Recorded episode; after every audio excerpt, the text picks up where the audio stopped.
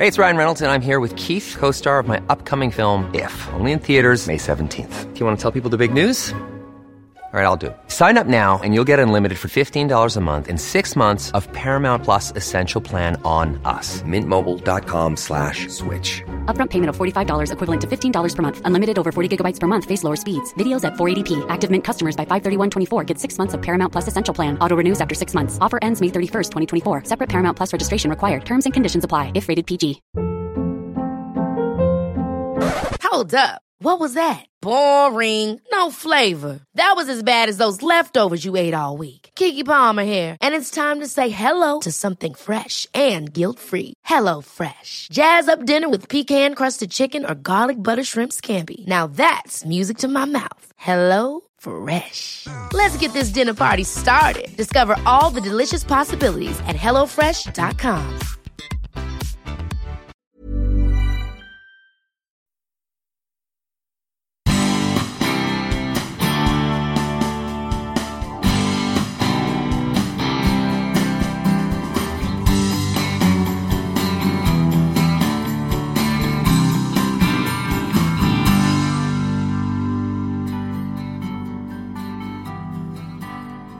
här djuren har gett mig så otroligt mycket. De har lärt mig våga vara mig själv, våga visa känslor och eh, sitta ner en stund på dagen och ta det lite lugnt.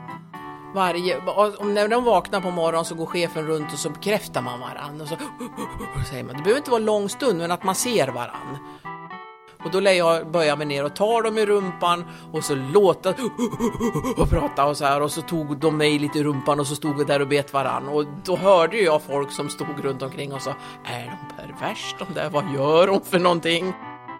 I Afrika så sitter det ju många schimpanser på barer, på restauranger, på bilstationer, lite överallt där de får dricka alkohol och, och ger dem cigaretter och de blir lika alkoholiserade precis som vi. En schimpanshanne är lika stark som fyra fullvuxna karar och kan vara fullkomligt livsfarlig.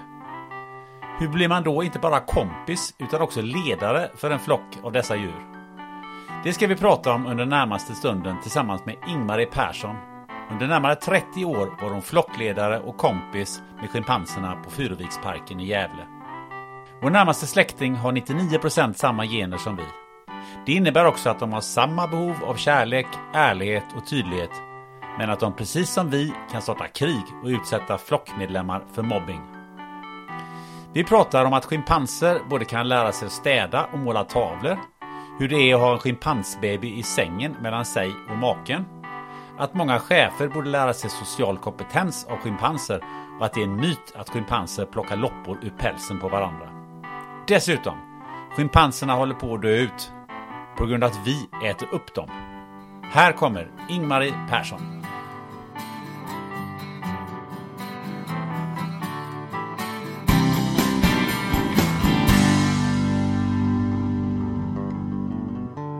Du, um, jag, jag, tänkte börja med uh, ditt uh, Facebook-flöde.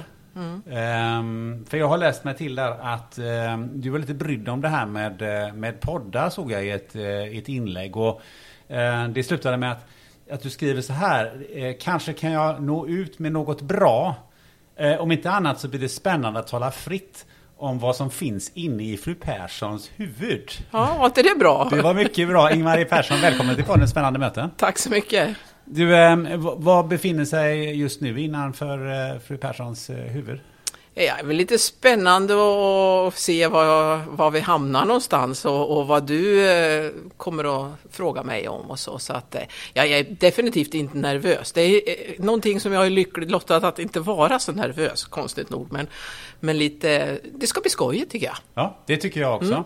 Mm. Um, en annan sak som, som när vi ändå håller på med, med Facebook-flödet där. Mm. Att i, ibland så blir det fredagsfika med kanelbullar och rödvin har jag sett. Mm, det stämmer bra.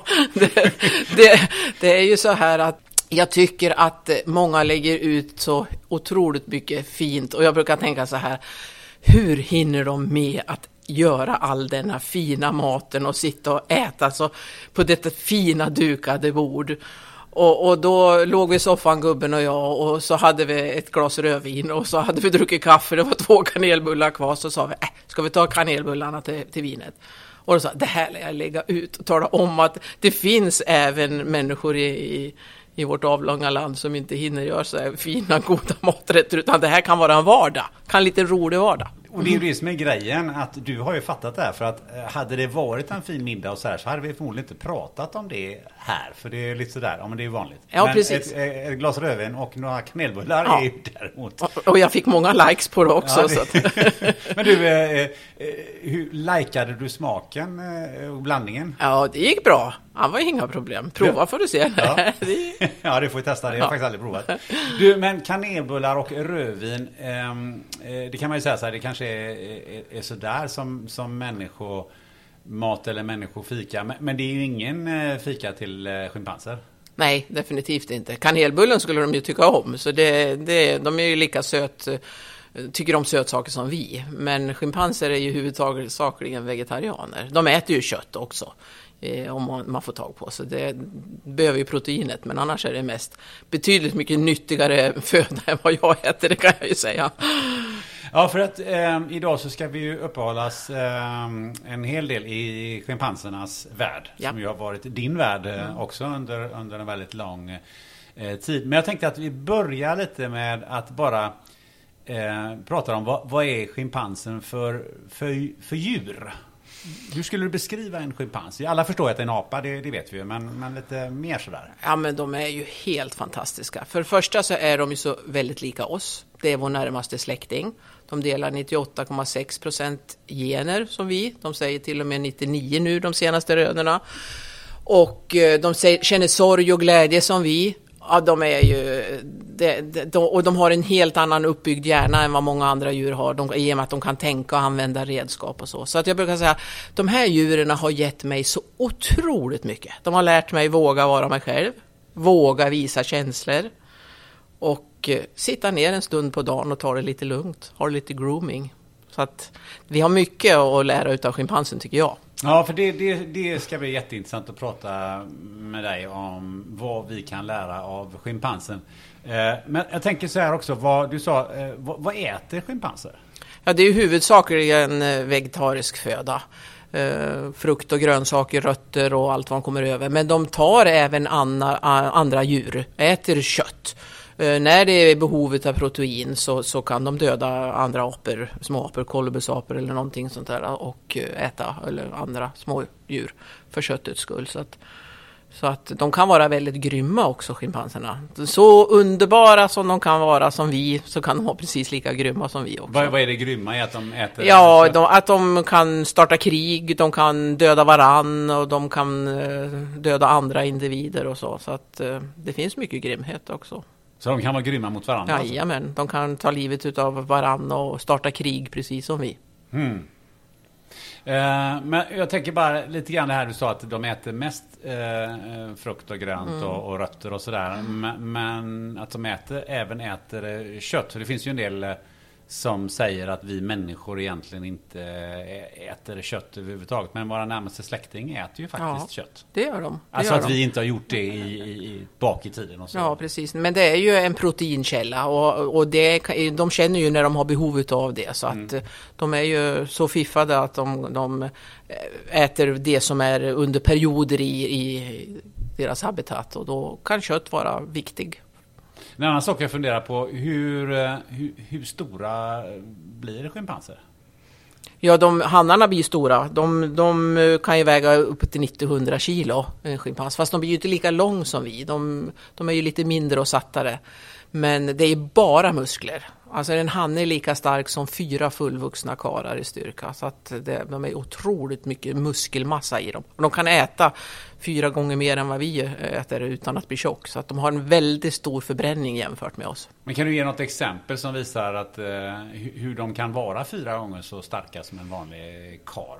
Ja, det, och, och till exempel när man bygger i djurpark anläggningar åt dem. Jag vet när vi byggde våran anläggning åt schimpanserna så skrattade killarna som, som var där och jobbade och sa att det är väl inte elefanter vi ska göra ordning åt eller? När vi talade om att det måste vara de här balkarna, det måste svetsas och det måste vara så. För när de börjar rycka i grejerna alltså så tröttnar de inte heller. Och de kan rycka och rycka och så det går sönder. De är otroligt starka sådär. Så att, eh, och sen eh, när de fightar så ser man ju hur de kan kasta varandra och så. Så att det är ju, det är bara muskler, en schimpans. Det, Det är imponerande. ja, det är imponerande att se dem. Kan Absolut. de, eh, du sa att de startar krig, men, men kan schimpanser vara farliga för människor också? Absolut.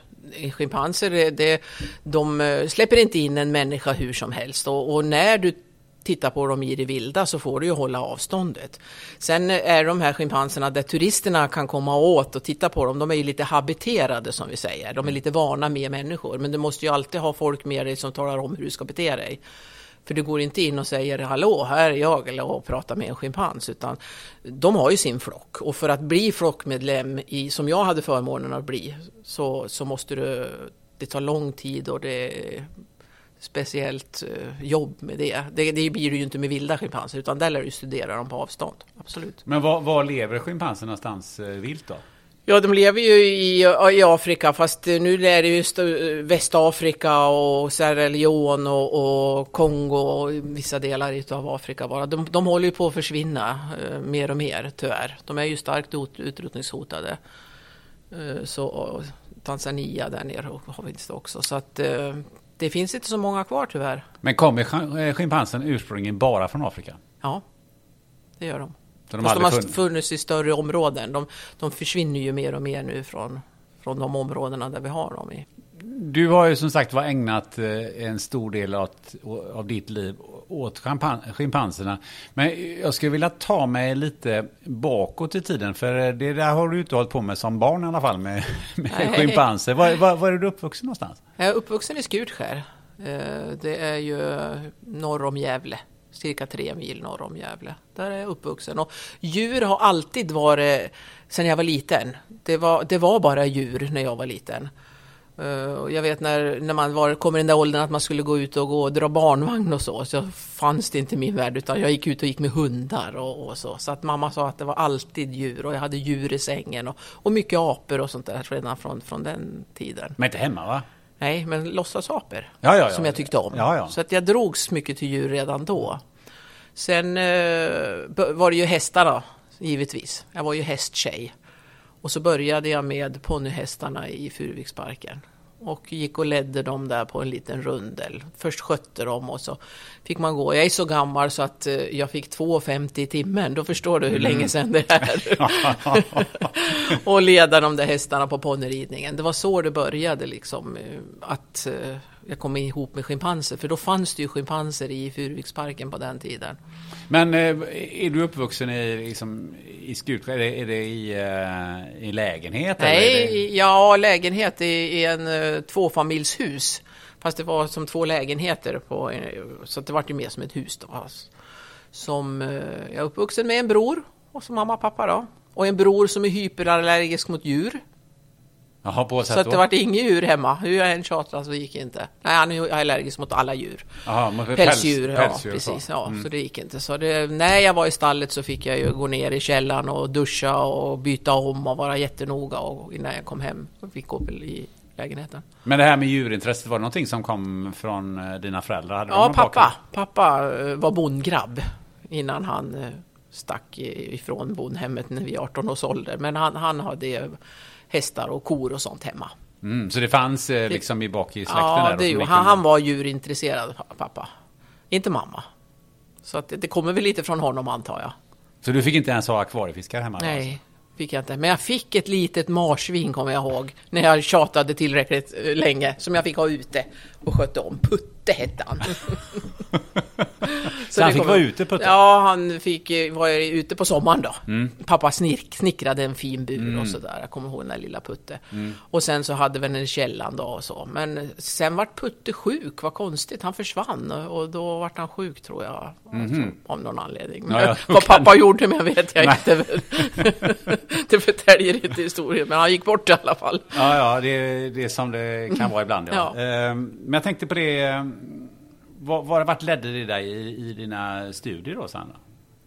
Nej, jag gick eh, först nio år i grundskola bara och sen gick jag yrkesskola. Eh, det fanns ju det på den tiden och det var processteknisk linje. Och jag tror att jag tog det bara för att det fanns ingenting annat. Det fanns en, en sån eh, lär, eller, eh, yrkesskola i Skutskär. Och så har vi ju Skutskärsverken och där får man ju jobb om man går den där linjen. Och det fick även jag i nio månader innan jag höll på att bli tokig och sluta. Till och med min pappa sa att nu slutar du där för jag vantrivdes så fruktansvärt. För jag var ju inte inne på att jag kanske skulle få jobba med djur eller någonting sånt där. Utan jag, jobb, jag var ju i Furuviksparken men fick ingen anställning där och sådär. Så att eh, då gick jag den här protest, protest, processtekniska linjen, jag kan knappt säga det nu. Och, eh, och det var ju ingenting för mig. Och sen har jag, har jag ingen mer utbildning så. Sen har jag ju utbildat mig under resans gång inom mitt yrke, så att etologi och läst olika sådana saker. Men, mm. men det, det, var inte så att det fanns en dröm där att bli veterinär? Nej, sånt där. det läshuvudet har jag nog inte heller. Skolan var väl, ja, som, jag var en normal elev helt enkelt. Men det var ingenting som jag ville fortsätta med. Eller? Nej. Annars brukar det vara det där när man, man är jättedjurintresserad mm. så vill alla bli veterinärer. Ja, nej, det förstod jag att läsa i sju år och få de betygen för att komma in på en veterinärlinje, det var nog inte min grej, nej. Det är nog ett tufft jobb också att vara ja, veterinär. Och så bara sköta sjuka djur. De, de, är ju fantastiska veterinärerna, det ska jag ju säga. Men bara ta hand om sjuka djur, jag vet inte. Det, det är klart att det måste ju finnas en glädje att kunna hjälpa dem, mm. Men då tycker jag det är roligare att jobba med dem friska och få utveckla dem på något vis. Men då, då avslutade du din eh, korta och intensiva karriär inom processindustri. ja, jajamän. och, och, och vad gjorde du då? Nej, men då hade jag ju jobbat som ferie i Furuviksparken med hästarna. Och eh, lockades tillbaka till, till, till det och, och jobbade där en sommar. Och träffade min blivande make. Eh, jag var 18 år Eh, och han är lika djurintresserad som jag. Och så jobbade jag där under ett tag och sen eh, tröttnade jag på det. Och så var det slut mellan han och mig. Så stack jag till Stockholm ett tag och ville vidga mina, mina vyer. Mm. Så då jobbade jag inom i restaurangbranschen, träffade en kille där som hade restaurang och så, där, så att eh, John och jag gick ifrån varandra då. Vi, levde, vi var ihop i två och ett halvt, tre år sedan. Och sen så gick vi från varandra och så eh, träffade jag den här killen och så var jag nere i Stockholm. Tog mina hästar med mig för då hade jag egna hästar. Mm. Och jobbade på restaurang Albatross.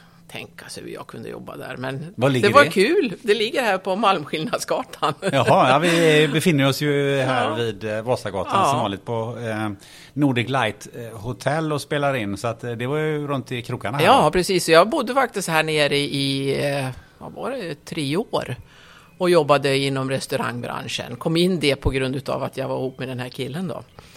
Och jobbade som hovmästarinna och i spritkassan lärde mig den. Det var ju i och för sig ganska kul, men det är egentligen inte det som passade mig, kan jag ju tycka idag, men det var ju en kul tid. Och sen efter tre år så stack jag till Spanien under ett år mm. och jobbade lite som reseledare. Och eh, under hela den tiden så hade jag kontakt med Jonny i alla fall. Vi var ju goda vänner och hade kontakt och så. Så att jag minns att eh, på slutet av när jag var i Spanien så var jag så trött på det där livet att vara ute på kvällarna och ta hand om turister och, bara problem och uh, folk som bråkar och varit osams på semestern och mm. ja, du vet, det är inte en dans på rosor där som man tror när man är yngre. Men det var ju kul att få prova på det. Så då, då kom jag hem i januari. Jag skrev till mina föräldrar och sa att nu tar jag bilen och åker hem. För jag hade bilen med mig ner. Nej, sa pappa, du får inte köra genom Europa själv. Jo, jag kommer hem nu, jag beställer biljetter och kommer hem. Och så gick det eh, ja, nästan ett dygn, lite mer, så var det en som knackade på dörren och då var det min far som stod där. Då hade han tagit flyget ner till, till Mallorca för att ta hem sin dotter. Han fick inte åka bil själv. Alltså, han var eh, ja, rädd för det? Ja, jag var ju inte så gammal. Var detta på 70-talet då? Eller? Ja, var på 70-talet. Ja, det kändes det så vilt i Europa ja, det var, att det vara, köra hem till... Så då kom pappa ner och ja. hämtade mig. Så då kom jag hem i januari.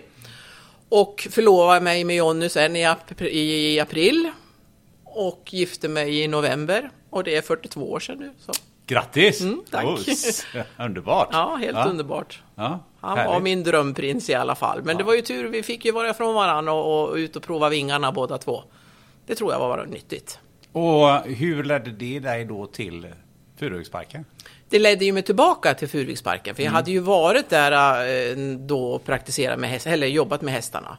Och när jag var i Furuviksparken då så var jag väldigt ofta uppe hos schimpanserna och tittade när jag var yngre då. då. Och de satt i en liten bur där uppe. Jag minns det så väl, en liten eh, 20 kvadrat. Och det enda roliga de hade att göra det var att kasta skit på folk. För det, något annat fanns det, någon annan stimulans fanns inte i deras värld. Jag förstod väl inte så mycket då, men idag förstår jag ju hur illa det är att behandla djuren på det där viset. Så högt stående djur som, som kräver att de redskap och få utvecklas och så. Så att, så att då började jag fascineras utav dem. Så när jag kom tillbaks då ifrån Spanien så sökte jag jobb i Furuviksparken och fick anställning Mhm, Som, 1979 som djurvårdare. som djurvårdare? Mm. Och då fick jag börja med de här schimpanserna som hade suttit i den där buren och eh, haft tråkigt och var, ja, de hade ju haft ett bedrövligt liv kan man ju säga. Men kunde man få anställning sådär bara utan vidare? Alltså, Ja, på den tiden med, kunde man med det. processindustriell ja, ja, på den tiden kunde man det. Då fanns det ingen utbildning. Idag finns det ju djurvårdarutbildning och idag krä- krävs det ju det också. Men eh, inte på 70, slutet på 70-talet eller? Så då började jag jobba där och då började jag med, jobba med schimpanser och börja ge dem pinnar och börja försöka ge stimuli och sådär och se till att de har det lite bättre. Och sen så fick vi vara med och utveckla djurparken, tack och lov. Annars har jag nog inte varit kvar. Så att vi fick vara med och utveckla och bygga nya anläggningar och så. Så att, så att det vart ett bättre liv för dem.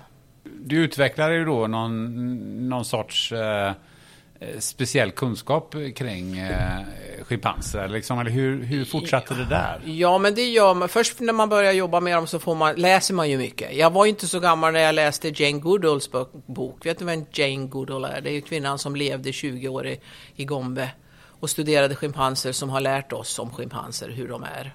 Och Jane är ju över 80 år idag. En fantastisk kvinna. Och hon har en bok som heter In the shadow of the man. Och den läste jag på engelska första gången. Jag låg och trogglade mig igenom ett engelskt lexikon i näven och läste den där boken. Och förstod, där fick jag ju lära mig hur, hur de fungerar och hur, hur de behöver stimuli och använda redskap och så. Och det, den hade jag ju med mig då. Och sen under resans gång när man jobbar med schimpanser så är man ju ute på, på möten och, och, och träffar andra kollegor som har jobbat längre och sådär. Det är ju liksom ett nätverk utav människor som brinner för schimpanser som man bygger upp under årets gång. Och sen började jag ju jobba internationellt och sådär så att, och reste till Afrika. Så att man lär sig under tiden så att säga. Men den verkliga eh, grejen kom ju när, vad jag förstår, eh, du eh, fick fick kontakt med en schimpans som var i eh, karantän. Mm. De- De här gamla schimpanserna som hade suttit i den här hemska miljön, de, de eh, gick ju bort på grund av ålder och så. Vi hann bygga en anlägg, ny anläggning åt dem först. Det måste jag få berätta. När vi skulle släppa ut de här gamla schimpanserna som hade suttit i den här 20 kvadratsburen och inte gjort någonting. Och så byggde vi två stora öar med träd och gräs och så skulle vi släppa ut dem där. Och där stod jag och tänkte att jippi, nu får de komma ut. Men det kommer ju det några schimpanser eller?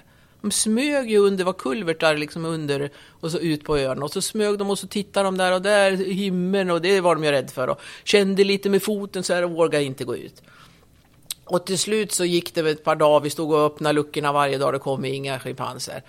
Till slut så sprang hannen ut först. Nu får det bära eller brista såg det ut, så tog han full fart efter och så två honor till. Men den sista honan hette Sita, hon satt alltså, ja hon satt ett år kvar uppe innan Ett vi fick år? ur henne. Ja, hon satt i sin bur där uppe. Vi fick inte ut henne. Och till slut sprang hon ut. Jag, jag, jag kan inte säga att det var he, ett helt år, men närmare i alla fall satt hon där och inte tog, vågade gå ut. Hon satt kvar i sin bur där och, och hängde. Och där hade ju hon suttit hela sitt liv. Och till slut så sprang hon också ut en dag och då sprang hon rätt upp i ett träd, minns det så väl, och, och höll om sig längst, längst upp i trädtoppen och tittade sig runt precis och var, var har jag kommit någonstans? Och det där gjorde så ont i mig. Att vi hade tagit bort alla naturliga beteenden på som de har, att klättra i träd och vara ute och röra sig. Och jag jämställer idag när jag är ute och pratar om när vi släpper ut människor från institutioner som också har fått suttit instuderade och så ska man ut med dem och så ska de klara sig själva förstå vad vilsna och rädda de var. Liksom. Och då sa jag till, till Jonny, som hade hunnit blivit min make då, att eh, får vi någon gång bli ansvariga i den här parken så måste vi lova varandra att de djur som vi har i alla fall får utveckla något sånär normala beteende som det går i en djurpark. För vi har ju redan tagit bort det mest naturliga och det är ju att de sitter i en djurpark. Mm. Och det, då, då måste du ha fingertoppkänsla när du jobbar med djur. För att, att de ska kunna må bra. Och den, den, den, det har jag bärt, med mig hela tiden. Och sen kom det, gick de, fick de bara något, några år de här innan, de var ju gamla redan då. Och så skulle vi ha, börja med en ny grupp. Och då i München Zoo fanns det en liten hanne på fyra år som hette Santino. Som eh, vi kunde komma upp till oss. Det ju, finns ju en massa artkoordinatorer som sitter och, och, och, sköter de här schimpanserna som finns i europeiska djurparker. Jag ska inte gå in så mycket och krångla in mig på det, men det finns inga viltfödda, eh, utan de, de är ju födda i djurpark. Och då kom han till Furyksparken och då skulle han sitta i karantän i fyra månader. Och en liten schimpans som behöver sin familj och behöver sin trygghet skulle sitta helt isolerad. Och jag kan ju erkänna, det var ju inte någon speciellt trevlig karantän heller, en litet utrymme. Och då var, det på, jag var det, är det på parken? Ja, inne i parken. Och där började jag vara med honom. Och varenda kväll när jag gick hem så hade jag en liten schimpans som satt och höll i mitt ben i byxorna och bara skrek när jag skulle gå därifrån och höll i sig. Så jag fick liksom ta honom och kasta in han, låsa och gå därifrån. Och då klättrade han upp i fönstret i gallret och så satt han och ruskade i gallret och bara skrek. Ja, mitt hjärta det höll ju på att gå sönder varenda dag när jag gick hem. Så då gick jag hem till John och sa att Ja, han behöver mig mer än vad du behöver mig, så nu flyttar jag i princip in till honom. Och det är här man behöver ha en kar som är lika intresserad av schimpanser, för han förstod ju också det.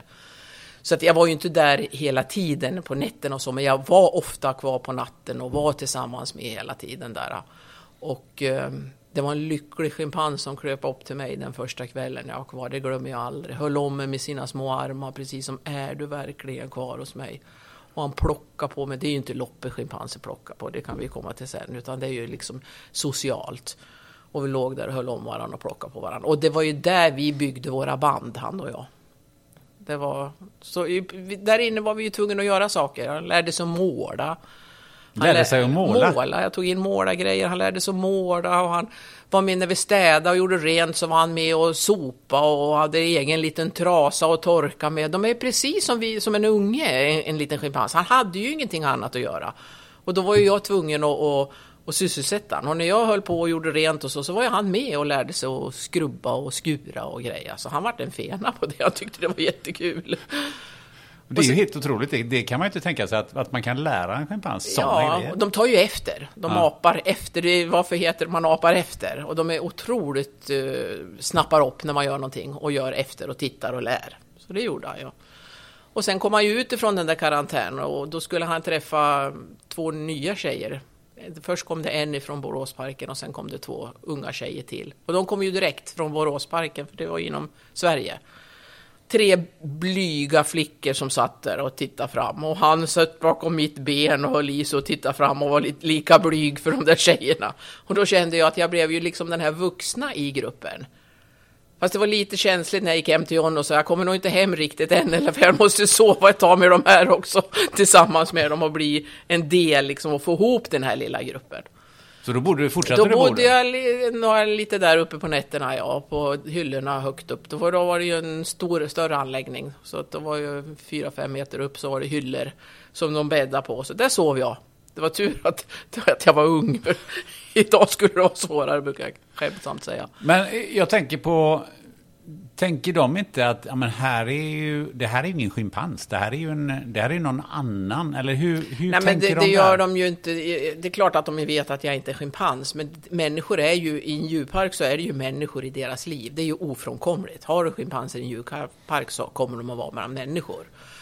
Och att jag var tillsammans med dem, det var ju liksom mer att försöka få ihop gruppen och att få det att fungera, att han inte skulle bli eh, ledsen i karantän och få psykiska problem. Sen tänkte jag, sluta nu, nu slutar jag med det här. Have catch yourself eating the same flavorless dinner three days in a row?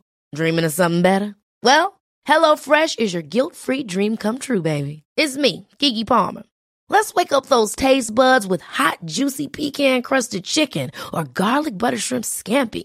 Mm. Hello Fresh. Stop dreaming of all the delicious possibilities and dig in at HelloFresh.com. Let's get this dinner party started. Hey, it's Ryan Reynolds, and I'm here with Keith, co star of my upcoming film, If, only in theaters, May 17th. Do you want to tell people the big news? All right, I'll do it. Sign up now and you'll get unlimited for $15 a month in six months of Paramount Plus Essential Plan on us. Mintmobile.com slash switch. Upfront payment of $45 equivalent to $15 per month. Unlimited over 40 gigabytes per month. Face lower speeds. Videos at 480p. Active Mint customers by 531.24 get six months of Paramount Plus Essential Plan. Auto renews after six months. Offer ends May 31st, 2024. Separate Paramount Plus registration required. Terms and conditions apply if rated PG. Hiring for your small business? If you're not looking for professionals on LinkedIn, you're looking in the wrong place. That's like looking for your car keys in a fish tank. LinkedIn helps you hire professionals you can't find anywhere else, even those who aren't actively searching for a new job but might be open to the perfect role. In a given month, over 70% of LinkedIn users don't even visit other leading job sites. So start looking in the right place. With LinkedIn, you can hire professionals like a professional. Post your free job on linkedin.com slash people today. Men eh, jag märkte ju att jag var en positiv eh, sak i deras liv. Och jag tänkte, jag fortsätter väl så länge det går då. Och jag måste ju säga att hela den här resan jag fick göra har ju betytt så mycket för schimpanserna. Dels att, att jag har kommit in med saker och varit rolig, men också att jag har fått ut budskapet. I och med att jag har varit accepterad som flockmedlem och fick vara, att det var så pass unikt och att jag hade den här unika relationen med dem. Det gjorde ju att vi fick ögonen på oss. Och alla började lära känna vem jag var. Alla människor som var där och tittade i Furvik när jag var inne hos dem stannade till och jag hade visningar och berättade om schimpansen och, och hotet och hur de fungerar. Så fick vi ut budskapet runt schimpanserna. Och sen kunde vi ju samla in pengar också på ett helt annat sätt. Så att det var ju liksom en, en tanke med det hela att de här ska vara ambassadörer för sina vilda artfränder. Och för att nå ut som ambassadörer så jo, vart det ju mycket enklare att få ut budskapet när jag var där och hade den här unika relationen som ingen annan hade. Vi har press och tv och tidningar, det har ju varit otroligt mycket sånt och det har ju gjort att vi har fått ut budskapet på ett bra sätt. Men jag funderar på, när du berättar detta, finns det några speciella egenskaper som, som du hade med dig eh, som gjorde att, att du faktiskt kunde ha den här eh, kontakten redan från början? Ja, det kan jag säga. Att eh, jag är en människa som är väldigt extravert. Och jag reagerar snabbt. När jag är arg då står håret rätt upp och då är jag fly förbannad och då syns det. Och när jag är glad så är jag jätteglad och när jag är ledsen så är jag ledsen. Så jag har väldigt tydliga signaler. Och jag är, eh, pekar kanske lite med hela handen, så det kan jag väl säga att jag så är. Men eh, samtidigt så blir jag inte sur lång stund, utan det är här och nu och jag säger till och det är bra och så här. Och, och, så de läser mig väldigt bra. Jag är lite schimpans, för så är schimpanserna. Väldigt tydliga i sitt språk. De visar när de är glada, ledsna och så. Och ska du jobba med schimpanser så måste du det. Du kan inte tänka att nej, vi tar det där sen. Utan det är precis då du lär göra det. Och då du lär förstå liksom vad det handlar om för någonting. Men hur, hur gjorde du till exempel om, om någon av de här schimpanserna inte betedde sig så som du eh, ville eller som du tyckte ja, var men fel? Det, det, ja, man behöver inte göra så mycket. Har man det där i sig, har man en viss dominans utan att behöva vara elak. Jag behövde inte ha det för jag är tydlig redan från början liksom i, i mitt språk och, och sen är det ju mycket kärlek och förtroende. Det handlar ju om förtroende i grunden. Det, du kan aldrig komma till en sån här position genom att vara dum och slå eller något. Jag har aldrig behövt slaget dem. Utan det är ju liksom att, att visa känslor och visa kärlek och, och, och, samtidigt vara klar med att säga att nej, det där vill jag inte. Det, tydligt nej. Med hela kroppsspråket och tyngden bakom så förstår de det. Det är klart att jag kanske har drufflat till dem lite, för det gör ju de med varann så sagt till dem. Men, men eh, det är kroppsspråket och, och, och att du menar dig. Du kan inte vara liksom säga ifrån och så menar du inte eller? Nej Santino, det får du inte göra. Utan nej! Det här, nu, det, där vill jag, det där vill jag inte. Det, och det, det lär de sig när de är små direkt att, ja, oj, Så det fick jag tydligen inte göra. Den där lilla rösten lät ju ungefär som man hör vissa hundägare Ja, det- säga till sin stora hund. Det är ju samma sak där med hundar. Det handlar ju om förtroende. Ett ledarskap är- handlar ju om förtroende och, och, och, och relation. Utan en relation så får du ju inget ledarskap heller.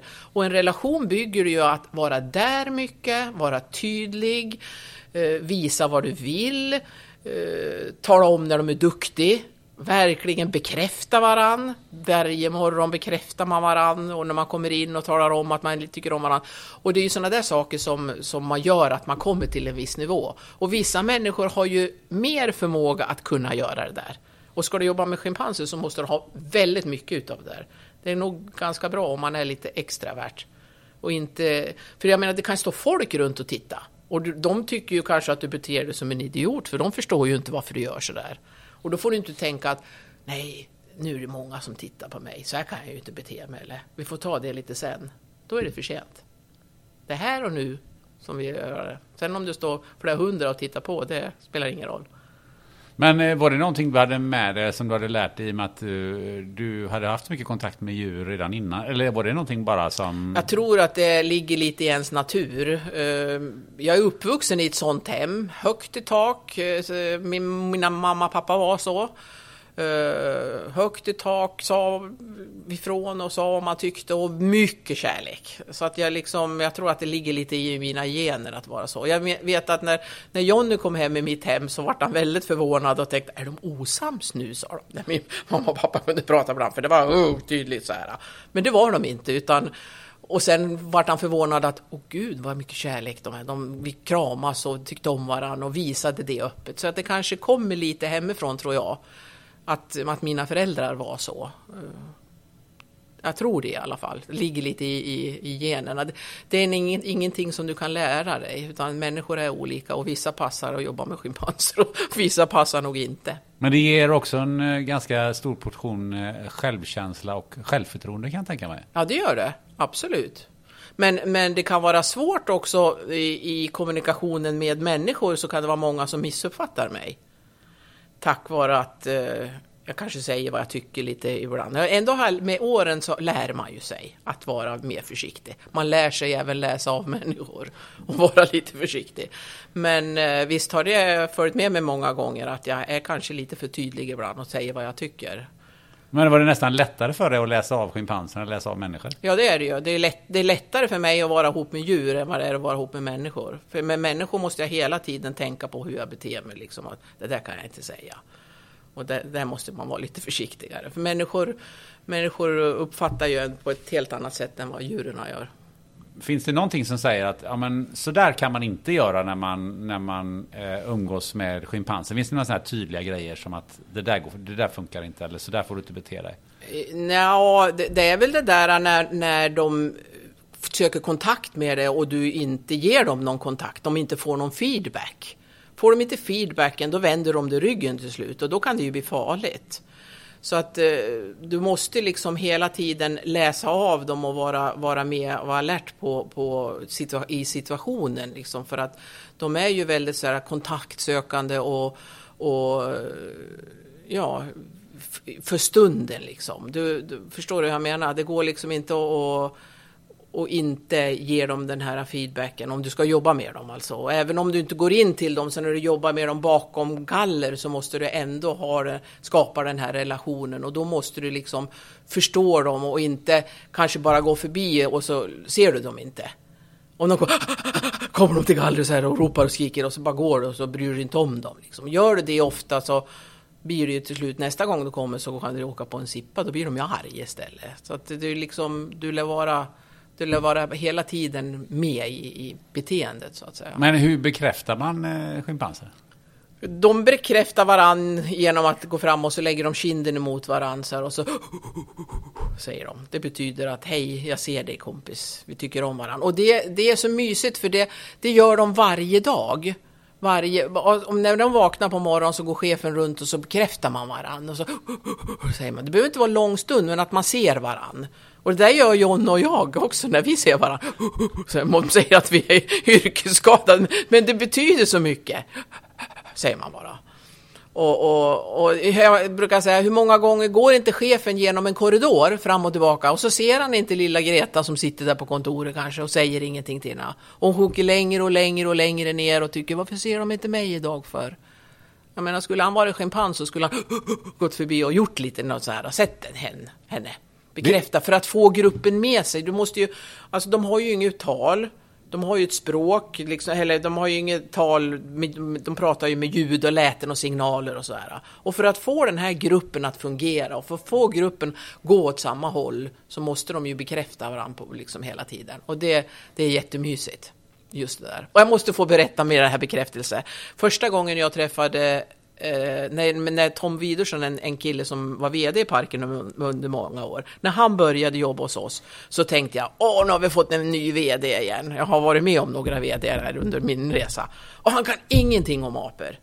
Nu måste jag försöka lära honom mer om apor. Och då åkte vi till eh, Norge, för där skulle Jane Goodall vara och berätta och ha en föreläsning. Och då var, tog jag med Tom och hans fru och så var vi där och han tyckte det var fantastiskt att lyssna på denna kvinna. Och sen på kvällen så satt vi nere i foajén på hotellet där vi bodde och det var fler apmänniskor som var där och lyssnade också, kollegor som jag kände igen. Och så kommer Jane och går ner för trappen och Tom var ju också med och hans fru och det var ju inte apmänniskor. Och så kommer hon och går ner för trappen och så får hon syn på oss och så går hon fram och så var det ledigt bredvid min gubbe Jonny. Och där sätter sig Jane. Och så tar hon Jonnys hand och så smeker hon på handen och så böjer hon sig fram och så säger han och då säger Jonny också. Och så säger Jane Oh, it's nice to be with people who understand, sa hon bara.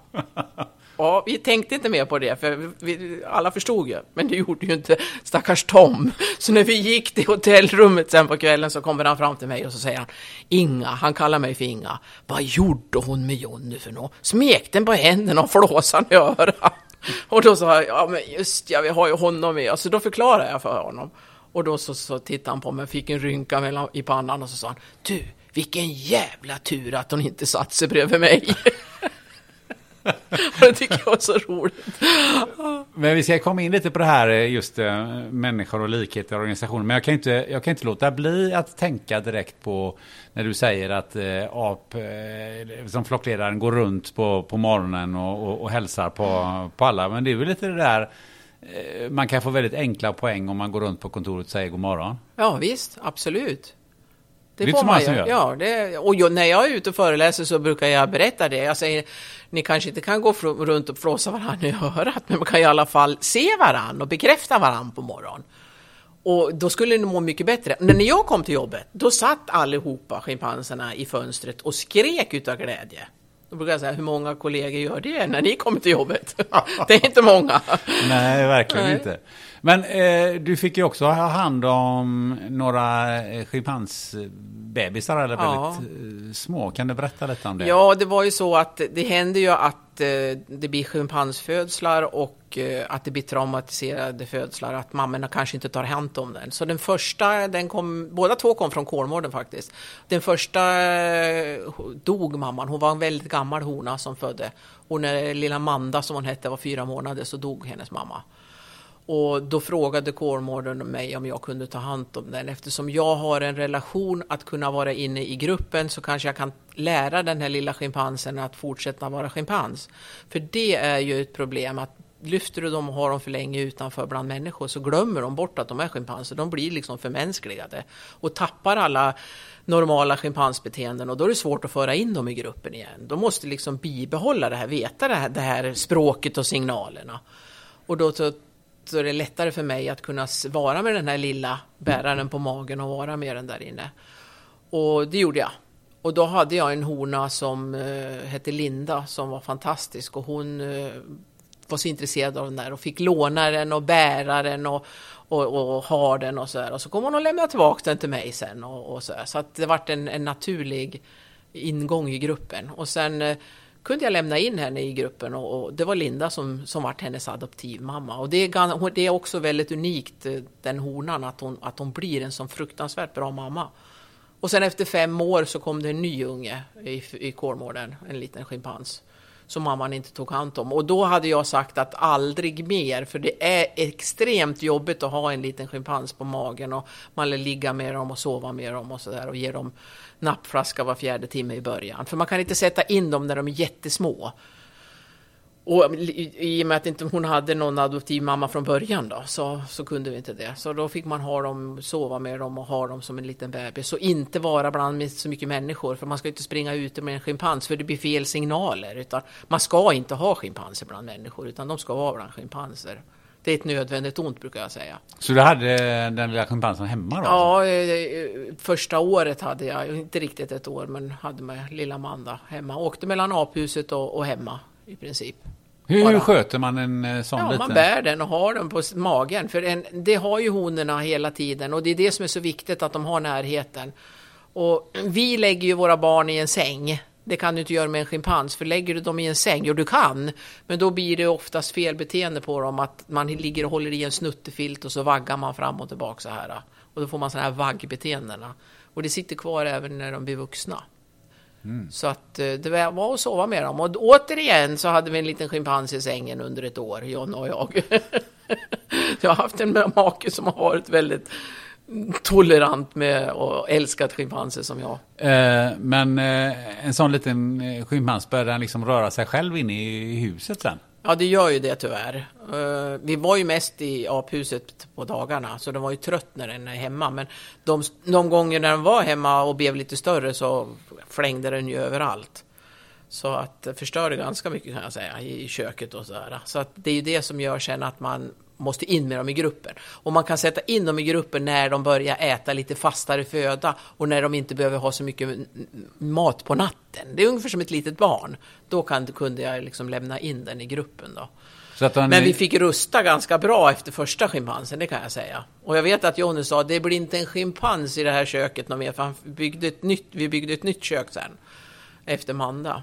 Men det blev det ju. Men vad, men vad liksom, berätta, var, var, var det liksom rivet eller vad? Nej, vad inte så, men det rev ju ut lådor och, och, hade så handtag bröt av och lite så här. Det vart ju lite skador här och där hängde dörrkarmar och så gjorde de ju. Så att det är klart att det var ju en schimpans. Men hon, det var sommar under när hon var liten som tur var, så vi var ju mycket på altan ute och på gräsmattan och så där. Alltså de gånger vi var hemma. Men det, de springer inte iväg ifrån Nej, det gör de inte. Nej, de håller sig runt mig. Så det var inga problem. Men det, var, det, som var problem var ju att man inte ville ha massa folk runt för att det blir liksom som jag säger fel signaler. Så att vi hade ju en väldigt begränsad vänskapskrets. Och så hade jag även några eh, kollegor som kunde hjälpa mig att ha hand om den när, när jag var tvungen att göra någonting annat. För ibland måste man ju faktiskt det i vårat liv. Och då kunde hon, lärde hon känna dem också så kunde jag lämna henne när de var hos de, de också då. Men, men målet var att så snabbt som möjligt få in dem i gruppen. Det är ju det som är målet. Och sen kom det ju en till då efter fem år. Och då hade ju den här blivit så pass stor så att det var inga problem. Men schimpanserna har sina barn ungefär i fem år. De diar i fyra år. I fyra år? Mm, så länge har de di till dem. Och under de fyra åren så, så brunstar inte schimpanshonan igen. Alltså den, den, är, den tar inte emot hannen. För att så länge den ger en di så kommer den inte i brunst heller. Ganska fiffigt så. Mm. Och, eh, så det var ganska normalt efter fem år att, att hon skulle få en ny unge, Linda. Och då var det en till liten schimpansunge som kom upp till mig och den var ju i princip nyfödd. Så den var jag också tvungen att ha hemma ett tag, men jag kunde föra in den snabbare i gruppen, för då hade ju Linda lärt sig att vara mamma. Du var inne lite tror jag på det här med att eh, Ja, men de plockar på en och petar en i näsan och sådana här grejer. Vad, vad, vad, innebär det? Ja, men det har vi ju alltid sagt att apor plockar loppor. Det är ju liksom inrotat i, i vårt system att vi tror det. Och det är det ju inte. Det är en väldigt social funktion att känna närhet och lugn och, och gemenskap i gruppen. Så det var ju den mysigaste stunden tycker jag, när man fick ligga i gruppen och vi låg och plockade på varandra allihopa och känna liksom att oh, man blir lugn och harmonisk, för det är ju det, ta på varann. Så att när jag kom ut på ön så brukar jag lägga mig ner och så brukar de pilla mig lite i näsan och titta mig i öronen och i håret gå igenom. Och det bästa de visste var att ta av mig strumpen och pilla mig mellan tårna. titta om jag hade en lugg mellan tårna. Så brukar jag säga när jag är ute och pratar att gör det. Sätt det lite mer och, och ta på varandra. Inte pilla varandra mellan tårna, det kanske man inte kan göra. Men just det här att på dagen, att man, att man vågar ta på varandra. Det räcker ju att lägga en hand på axeln eller någonting sånt där. Så känner man ju liksom en lugn och, och, och gemenskap. Och det är jätteviktigt. Och då lugnar man ju hela gruppen, man känner ju den här gemenskapen när man sitter och gör de här plockningarna och går igenom pälsen. Det är ju skräp och små grejer som de hittar hela tiden. Eh, på lunchen som vi hade innan här så, så sa du också att de, de visar ju rumpan till så man får eh, klappa den ja, också. Ja, de underkastar sig så. Eh, honorna när de underkastar sig hannen, för, för det är ju så, en schimpanschef, han, han är ju chef. Och det finns även honor som kan vara chefer. Det är ju en strikt rangordning i en schimpansgrupp. Och då är ju de äldsta individerna som står högst upp och så får de yngre vara längre ner på rangskalan. Och jag var ju högst upp tillsammans med Santino. Och när jag kom ut och hade mina förevisningar på ön och berättade för människor som stod där då, så hade jag mat och grejer med mig. Och då kom ju honorna och var jätteglada äh? Skrek och så vände de upp rumpan. Och det är liksom en underkastelse. Och då lär jag böja mig ner och ta dem i rumpan och så låta och prata och så här och så tog de mig lite i rumpan och så stod vi där och bet varann. Och då hörde jag folk som stod runt omkring och sa är de pervers de där, vad gör de för någonting? Och återigen, det är ju liksom att jag skulle ju inte kunna säga att nej, nej, gör inte det här nu, det kommer folk, det här tar vi sen. Då skulle du kunna vända till aggression istället. Här kommer jag och fjäska för dig och så puttar du bort mig. Det gäller ju där att jag förstod vad det var och så göra så. Och när vi hade gjort den där ritualen, sen gick vi och, och delade ut mat och pratade. Liksom så, här. så, att, så det tycker jag är en liten rolig grej att uh, när du ska fjäska för chefen så vänder du upp rumpan. så det gjorde jag ju till den här Tom Widersson då, som var min chef under många år som fick lära sig om apor. Eh, då brukade jag knacka på dörren och så öppnade jag dörren och så satte jag in rumpan och så gick jag in. Så lät jag som en schimpans och då sa han alltid Åh vad vill du nu då? Men jag lovar att förhandlingsläget kom på en helt annan nivå än om jag bara knackade och gått in. Ja, det, är det kanske någonting man, så man ska in, ja, varför inte? Inleda, det är mycket var att lära av de här djuren. Inleda löneförhandlingar. Jajamän, prova. Ja, det där kan och då hade jag ju lärt honom att han skulle ta mig i rumpan och då brukar han ta mig i rumpan och säga Tänk om Lisa såg mig nu, frugan. Men Lisa var min kamrat så hon visste om att vi, att vi eh, gjorde det där skämtsamt. Men vi hade kul på jobbet. Ja, det förstår jag ju verkligen. Men eh, du sa just det att du, du fick vara chef tillsammans med eh, Santino. Santino. Var det en sorts delat ledarskap ja, eller hur ska man uttrycka det? det var det, det var det. Jag lag mig liksom aldrig i hur han skötte gruppen. Och det, det sa jag redan när jag började vara tillsammans med dem. Ska han utvecklas och bli schimpans så måste han ju få vara schimpans. Så jag liksom uh, lärt honom när han hade sina dominanshandlingar som kommer i tioårsåldern, när han skulle börja bli vuxen, för de börjar bli könsmogen vid tio år och då börjar hannarna visa sig stor och stark och springer omkring och blåser upp pälsen och trum, trummar och har sig och bara för att imponera på tjejerna. Och tjejerna tycker att han är jätteimponerande. Och det där beteendet kommer ganska fort. Det kan vara liksom att det är någonting som retar han utanför, när det, står något folk där. Det kan vara någon kar han retar upp sig på eller någonting och visar, det här ska jag visa dominans eller någonting för att visa mig duktig. Och jag har ju lärt mig schimpansens språk och det är ju väldigt små signaler som kan betyda så mycket. Så när chefen sitter och börjar vifta med tårna så här, viftar han lite på tårna så här, och så åker pälsen ut och så ser man läpparna åker ut och så börjar han skrika så här. Då springer tjejerna upp i träden för nu vet man att nu kommer det någonting. Och då sa jag till, till maken och mina kollegor, hur fridens namn ska jag hinna upp där bland träden när det kommer? Och då tänkte jag att då får jag väl gå ut då. Så att jag inte kommer emellan, för, för då kan han ta en sån här dans runt och liksom stampa ner dem om de är i vägen. Men så tänkte jag, jag går och ställer mig lite på sidan, så jag gick och ställde mig bakom lite på sidan, så fick han stampa på där och tjejerna satt i träden och tittade. Och, så. och sen när han vaknade upp, de är liksom i en trams, då började han, första han tittade efter var mig. Och så kom han fram till mig och sa, visst var jag duktig nu morsan, ungefär så. Först sa jag nej, det här får du sköta själv, jag bryr mig inte om det. Men när det där upprepas så tänkte jag, ja men det är ju mig han fjäskar för. Efter de där. Det är ju mig han vill ha stöd utav. Då måste han ju tycka liksom att det är du och jag. Ser du inte vad bra jag var? Så då började jag ge han stöd. Och så satt vi där och höll om varandra och gjorde de här bekräftelserna. Och då satt ju tjejerna uppe i träden och tittade och tyckte att jag var jättestor och stark. eftersom det var mig han fjäskade för. Och så kom de ner också och så satt vi där tillsammans allihopa. Och då fjäskade de ju för mig, tjejerna också. Tyckte att åh, det är dig han fjäskar för. På så sätt så förstod jag att, att, att de såg upp till mig väldigt mycket. Och jag tror att jag var, hade någon slags mammarollsfigur i Santinos liv. Jag var inte hans chef, utan... Och mamma, det finns inga som är sådana morsgrisar som schimpanspojkar, det kan jag ju säga. Jaså? Då kan man först fundera varför killar är morsgrisar. Det är vår närmaste släkting, schimpanser. De är extrema morsgrisar, har väldigt stark relation till sin mor. Har de stor respekt Hela livet. också? Stor respekt och stor eh, relation med mor. Hela livet kan man säga.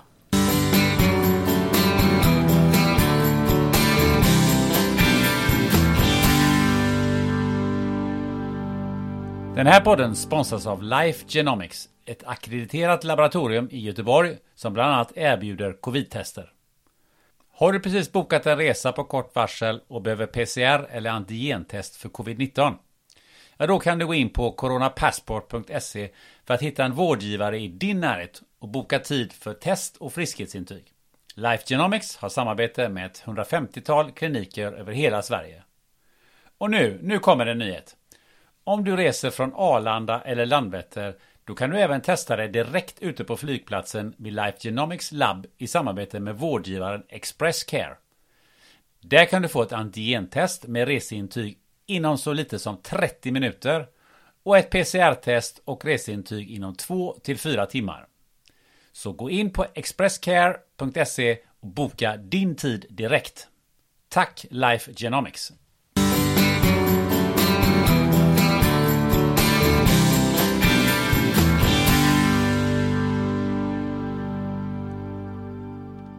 Du fick ju vara där inne, men vad hade hänt till exempel om eh, ja, men till exempel om jag hade kommit in där i, eh, i, eh, in i den här, på den här ön? Då hade du åkt ut fortare än kvickt, det kan jag ju tala om.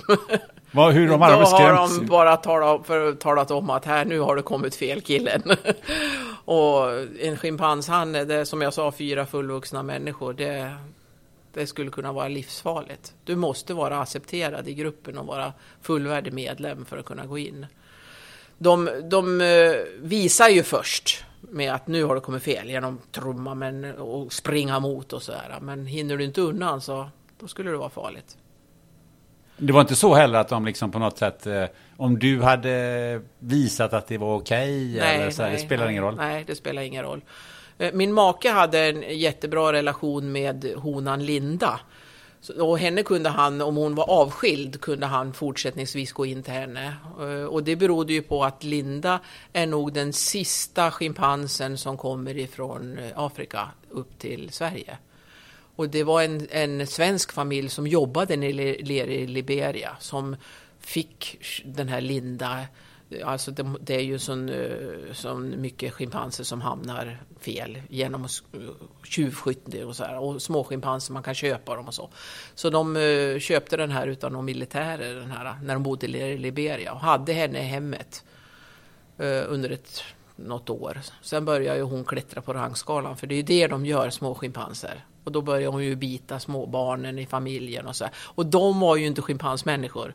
Det var det jag försökte förklara när jag hade schimpanser. Det var därför inte jag hade dem ihop med massa människor och var tvungen att få in dem i gruppen fort. Men när lever de hemma så klättrar de ju på rangskalan och då blir de ju farliga till slut. Så de visste inte vad de skulle göra av den här Linda och sätta henne i en djurpark i Liberia. Ja, det är inte roligt eller? Det var ju sämre än vad det var när jag började i djurpark. Så då fick de tillstånd utav myndigheter, så hon togs till Sverige med rätt papper och tillstånd. Och de skulle ta henne till Kolmården. Och hon flögs i en liten låda, den där stackars schimpansen, som inte visste att hon var schimpans ens. Eh, till Finland, åkte båt från Finland och kom till Kolmården. Men hon skrek ju rätt ut, hon visste ju inte att hon var schimpans. Hon var ju livrädd när hon såg schimpanserna. Så de kunde ju inte få in henne i gruppen. De har ju tagit i livet utav henne om de har slängt in henne. Så då frågade de mig då också, det var ju den första gången de frågade mig, om jag kunde ta henne.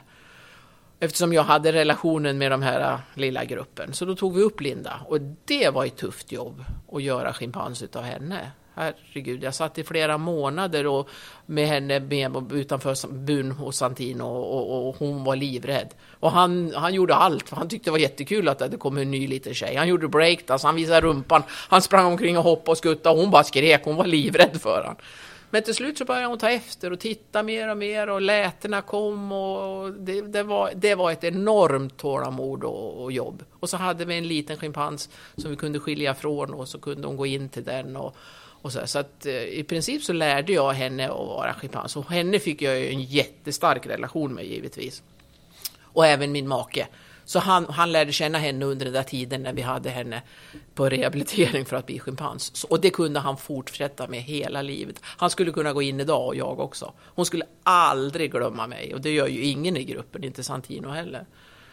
Men det brukar jag säga, det är ungefär som att få ett barn som är traumatiserat och försöka få det att göra, det, göra den till en normal individ. Så det var jobbigt. Nej, det kan jag förstå. Det måste ha varit en resa. Mm, det var en svår resa. Men det var kul. Och det var hon som var den här fina adoptivmamman sen.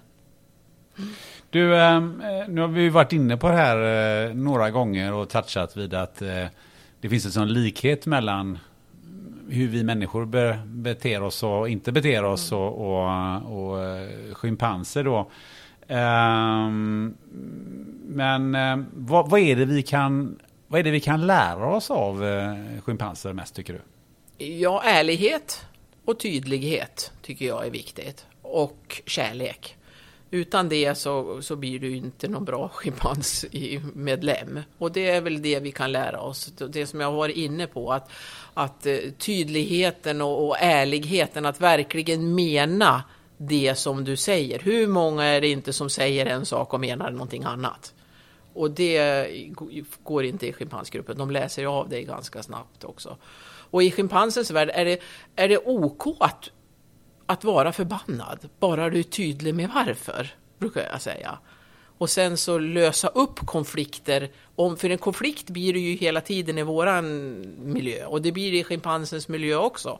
Det är konflikter hela tiden, men att lösa konflikterna och att man liksom löser det ordentligt och, och, och liksom, så att det blir bra innan man går och lägger sig kan man väl säga. Men hur, hur, löser schimpanser konflikt med varandra? Kan du, kan du beskriva ja, det? Ja, många gånger så är det hannens roll också att bryta om det är två individer som börjar slåss och så här och vi får konflikter och bråka så att han, han går emellan och bryter och, och är tydlig med att det där accepterar jag inte. Och, och, då kan ju han bryta det och sen är det de, så har han sån, sån skärpa i sig så att de två måste komma ihop och, och göra upp det där. Och det är liksom han som styr det där. Det han kanske inte löser konflikten, men det är han som bryter konflikten och, och ser till att, att konflikten går över, så att säga. Så att vara en, ledare i gruppen är ju en väldigt uh, fingerkänslighet, men det är väldigt mycket tydlighet i deras grupper. Men, men, kan du förklara på något sätt om man nu säger, om nu den här handen kommer och säger att det där, så där får ni inte hålla ja. på det sker någon sorts förlikning mellan de här två? Ja, eller liksom, till eller, slut gör det det. Hur funkar det? Ja, men det, det är det som är så svårt att förklara. Han kan springa igenom en grupp som bråkar, så, brrr, så springer han igenom, så kan han sätta sig högst upp på, på, på, på berget, sten eller något, så sitter han där och, så, och då bryter han det här äh, bråket och så tittar de på honom och bara med ögon och signaler. Så det där ger ni fan i. Så upp, upp, upp. nu fick jag inte göra det här, det är bäst att vi blir kompisar då. Nu kan vi ju inte göra det i våran värld, men om du omvandlar det där lite grann, att våga kanske tala om om man tycker att det är någonting som är fel. Och sen när det, är, när, den här, när det här bråket har gått över, då blir det ju en fantastisk... Och då går det ju över liksom att och, och, bli att man fjäskar för varandra och liksom, då får man nästan att det blir bra i gruppen istället.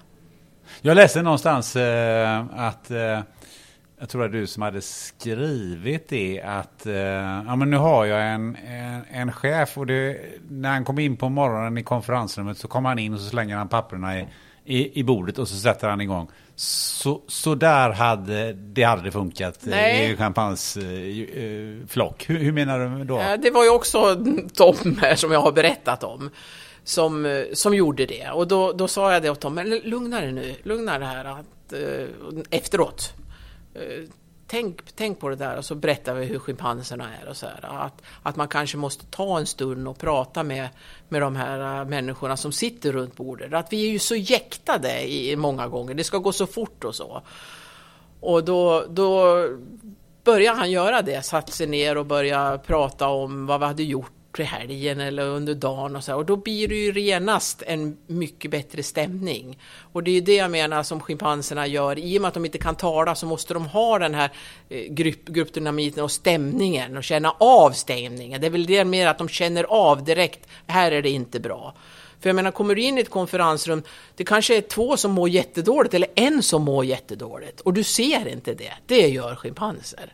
De känner av direkt vad varje individ mår och hur man är. De tittar, de har så otroligt små signaler som de läser av varann. Och den förmågan har ju inte vi. Men om vi tar det lite lugnt och sätter oss ner och börjar prata med människorna som sitter runt, då får man ju fram det där att jag kanske inte mår så bra den här, här kanske jag måste göra det och det. Och det, det, det är någonting som jag tycker är fantastiskt hos dem. Ja, för det är ju lite det som vi har. Vi kanske har förmågan, men vi har tappat bort. Vi har tappat bort det under vägen lite grann, ja. I någon sorts eh, resultativer, ja. att nu ska vi vara effektiva i eh, konferensrummet ja, många här. Gånger, vi en timma på oss. Ja, och... många gånger är det ju så. Och, och, nej, det där tror jag var med förr. Jag tror det har blivit sämre nu, för vi lever ju i en digital värld också. Och vi sitter på våra egna kontor och vi skickar e-mail till varandra och vi, vi träffas inte något längre.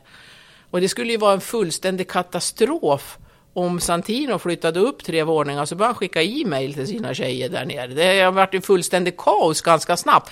Ledaren behövs jättemycket. Och när ledaren är borta för länge, då blir det kaos i gruppen. Och så var det även hos oss när chefen var borta för länge, då kom det helt plötsligt sådana här rykten upp. Ja, han gjorde si och så, jag hörde det och det. Och jag var så, vad kommer det, det börjar bli oro i gruppen. Och då brukar vi prata med varandra så här, det är dags, dags att du kommer ner nu och sätter sig och pratar lite här. Inte, inte något möte, bara tala om vad du har gjort för någonting. För det är närvaron du skapar relationen och det är i relationen ledarskapet uppstår, brukar jag säga när man jobbar med schimpanser. Och det är väl inte så stor skillnad i våran värld. För chefen är ju ofta borta och inte är med i det här dagliga. Vad gjorde du i helgen då? Spela spelar ungarna bra fotboll? Ja, men vad kul. Se mig och prata, istället för att prata bara siffror och, och hur vi ska utvecklas och var vi ska komma någonstans. Det skulle inte gå bland schimpanser. ja, men det, jag tycker det är en väldigt intressant eh, reflektion man kan göra här. Eh, Eh, Um, för det finns ju företag som har sagt att alla ska tillbaka till arbetsplatsen mm. efter den här pandemin. Och så mm. finns det företag som säger att du kan vara precis vad du vill. Du behöver inte alls komma tillbaka till arbetsplatsen. Du kan vara var du vill någonstans. Mm, precis. Um, och då kan man ju tycka då, när man har lidit sig igenom de här dryga året så är det många som säger att ja, jag kommer aldrig åka tillbaka till arbetsplatsen. Eh, mer än kanske någon gång i, i, i veckan. Mm, och då tycker man liksom de här som företagen säger att nu ska, nu ska alla komma tillbaka till jobbet. Men det kanske finns någon, och det tycker man är jättekonstigt. Det finns det, kanske finns en, det finns kanske bäring på både och här. Ja, det sätt. tror jag säkert. Jag tror man tappar väldigt mycket om det, om det blir att vi börjar sätta jobba hemma också och inte ha någon, någon kontakt med kollegor och, och liksom så. Det, då tror jag att du tappar känslan för företaget mycket fortare. Men det duger inte genom att bara ha dem i en skärm? Nej, det tror inte jag. Jag tror inte på att få fram det där genom en skärm. Eller, nej, det tror jag inte på. Jag tror det är jättefarligt. Och är, alltså, vi, vi härstammar ju från de här någon gång, så det ligger ju i våra gener tror jag. Och tar vi bort det så tror jag vi kommer att må väldigt, väldigt dåligt. Ja, vi har ju tappat det här med att ta på varandra, ja, för det visst. får vi inte lov att göra. Nej, nej, med pandemin nu får man ju inte lov att nej. göra det.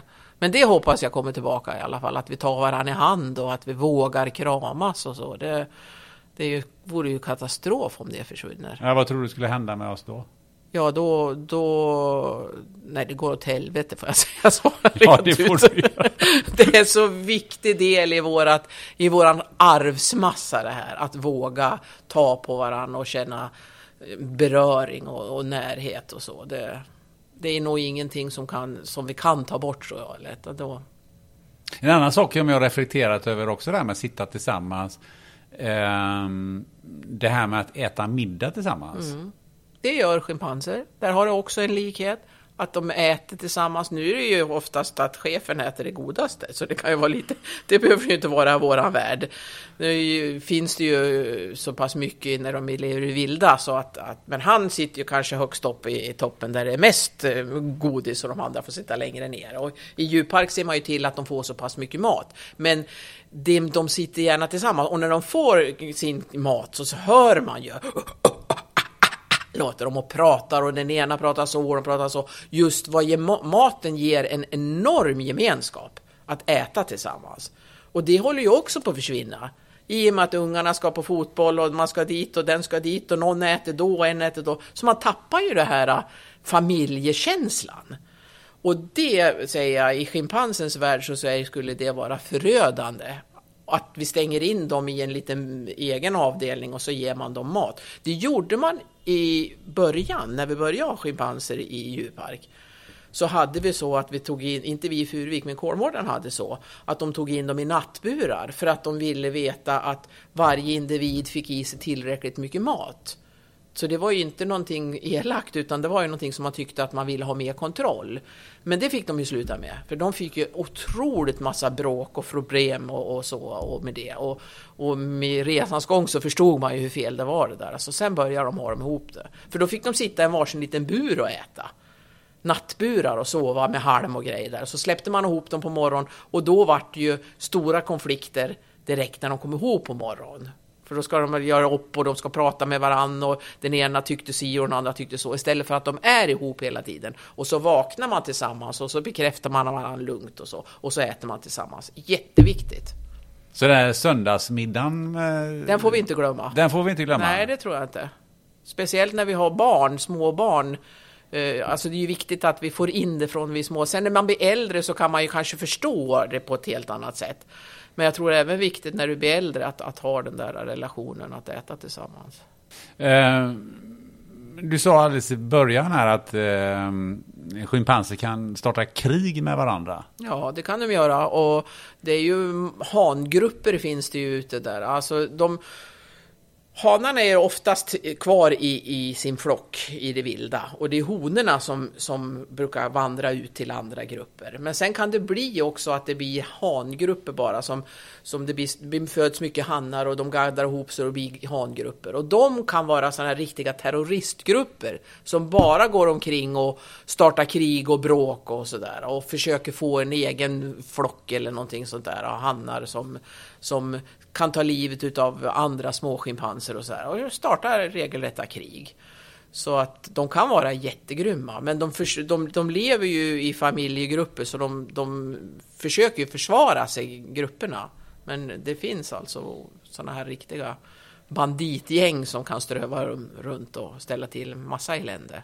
För, för det hade vi ju också om man läser på många miljoner år tillbaka att även vi människor betedde oss ja, redan precis. då på, på ja, det sättet. Ja, precis. Och så, så är det ju bland schimpanser också. Och de kan vara även grymma inom, inom gruppen. Det finns individer som är dumma helt enkelt. Och, och, och det, så är det ju med oss människor också. Det är ju en individ och det kan ju, de kan ju ha fel det behöver inte vara fel, men de, de, kan ju få fel som, som vi kan få. Och en del är ju födda att vara dum och elak. Men det som är bra i schimpansgruppen det är ju att oftast om det får en... Den som blir chef är ju den som är klok och störst och, och, och smartast. Och är det en som kliver upp och kommer dit och är jäkligt elak och dum så går det att avsätta. I våran värld så kan de kan den vara chef väldigt länge utan att det blir avsatt. Men då, då brukar i regel honorna gadda ihop så kan tala om att nu, är det, nu har det ju gått för långt. Förekommer det mobbing? I, i... Mobbing förekommer också, ja. Och de kan, kan även vara falska, de. Att skrika bakom ryggen. Åh, han gjorde illa mig! Fast det inte var någonting, bara för att han ska få stryk, den där äh, individen. Eller att de ska säga till den och så här. Men de läser, det, det, det, läser de av ganska. Det är ju oftast unga individer som kan göra så. Åh, nu gjorde han illa mig, mamma, mamma. Fast det inte var så farligt, förstår du? Så kan de ju vara. Så de är ju väldigt lika oss på det också. Men de kan tänka i flera steg så att säga. De kan ju liksom, ja, de kan ju det. De har ju delad hjärna så de kan tänka i flera steg och använda redskap och, och så. Så att de kan vigla upp och, och vara precis som oss. Men de, det, återigen, då är de det och sen är det liksom även tydligt inom det.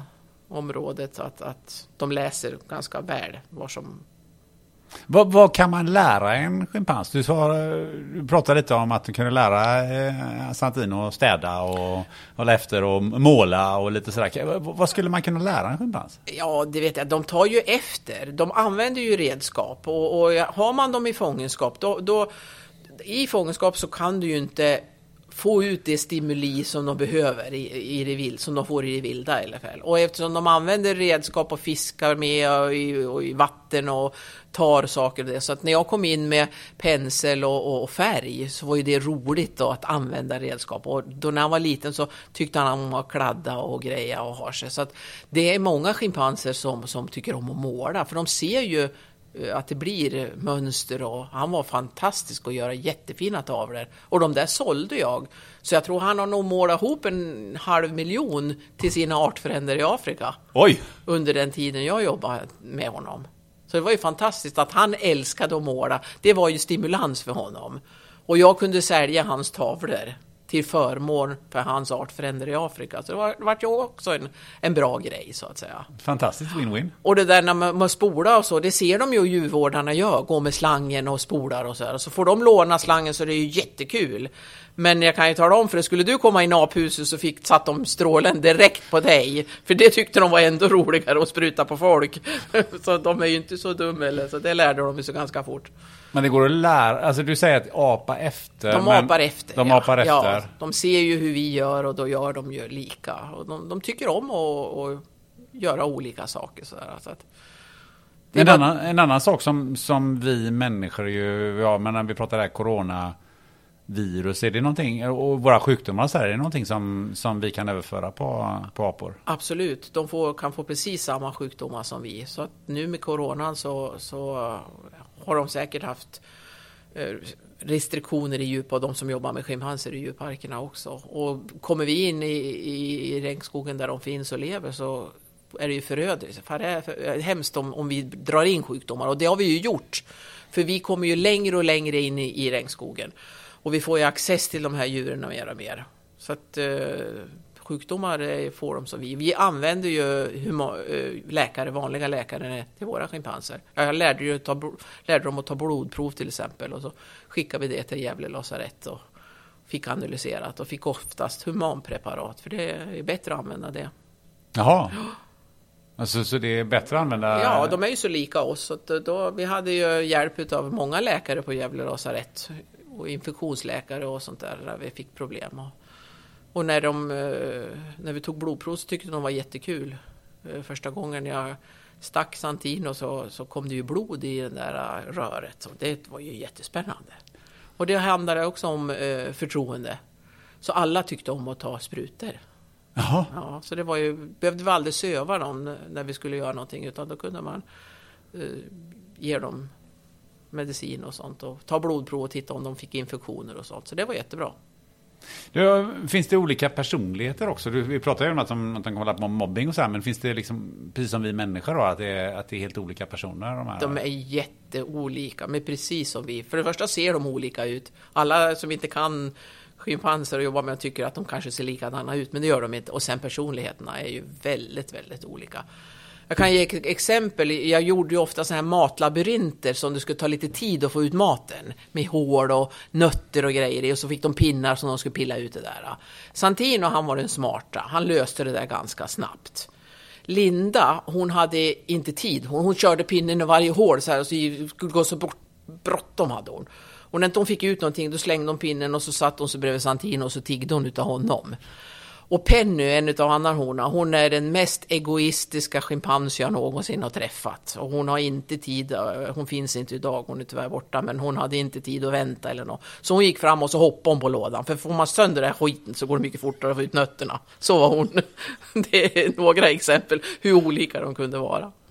Ja, är, för jag tänker på personlighet, någonting som vi människor ju äh, också har olika personligheter eller olika läggning för. Det är ju äh, det här med att bli beroende av olika saker. Finns det beroende, äh, man ska säga, beroende risker hos, eh, hos schimpanser också? Till exempel att skulle de lika gärna kunna bli alkoholister som, vi, som vi människor? Det, och det finns tyvärr många schimpanser som är det. Om, vi, om jag får gå in på hotet, så det är ju det jag jobbar med idag. Det här är ju någonting som jag har slutat med nu. Jag har ju slutat i djurpark. Jag känner mig färdig med djurpark just nu. Så i Afrika så sitter det ju många schimpanser på barer, på restauranger, på bilstationer, lite överallt där de får dricka alkohol och, och ger dem cigaretter och de blir lika alkoholiserade precis som vi. Och mitt arbete idag det är ju att stödja de människor som eh, konfiskerar de här djuren och se till att ta dem till reservat så att de får ett bättre liv. Och det måste vi göra, för fortsätter det här skövlingen i regnskogen och eh, tjuvskytten fortsätter skjutningen, alltså de försvinner med rekordfart, så kommer vi inte ha några schimpanser inom en 20-30 års period kvar i Afrika. Och när man konfiskerar de här schimpanserna som har suttit på det där hemska anläggningarna, de är ju helt under isen och traumatiserade. Och jag har varit med och konfiskerat schimpanser till ett reservat i Kongo och det är till och med så att man får sätta dem på metadonnedtrappning som man får göra med alkoholister för att man ska få tillbaka dem igen. Så alkoholiserad kan de vara. Men du pratade här förut om att eh, göra schimpans av dem. Det här måste ju vara e- Ja, det är ett extremt. jättesvårt arbete. Det är extremt jobbigt. Och de människorna som jag jobbar med, de har de verkligen hemma och bära hela tiden. Bygga upp först ett förtroende med, med sin vård, vårdare. Att de får tro på livet igen. Och få ge dem mat så att de eh, kan börja liksom växa. De är ju små, de har ju ätit fel mat, de har ju fått sprit och de har ju ätit kakor och sånt där. Så de har ju inte vuxit heller, de har ju inga tänder. Och, ja, det är fruktansvärda situationer. Så att det är ett jättejobb, men det går. Det, med mycket kärlek, med kunskap och förtroende så går det att föra tillbaka dem till schimpanser igen. För det, det, det sista som överger en schimpans är hoppet och de är precis som vi. De, som Jane Goodall säger, de är som människorna i Auschwitz. Det är sista som överger en är hoppet. Och så är det med schimpanser också. Gorillor är det jättesvårt med. De lägger ihop och, och dör mycket fortare. De, de eh, blir traumatiserade och, och liksom eh, går det liksom mycket, mycket svårare att få tillbaka.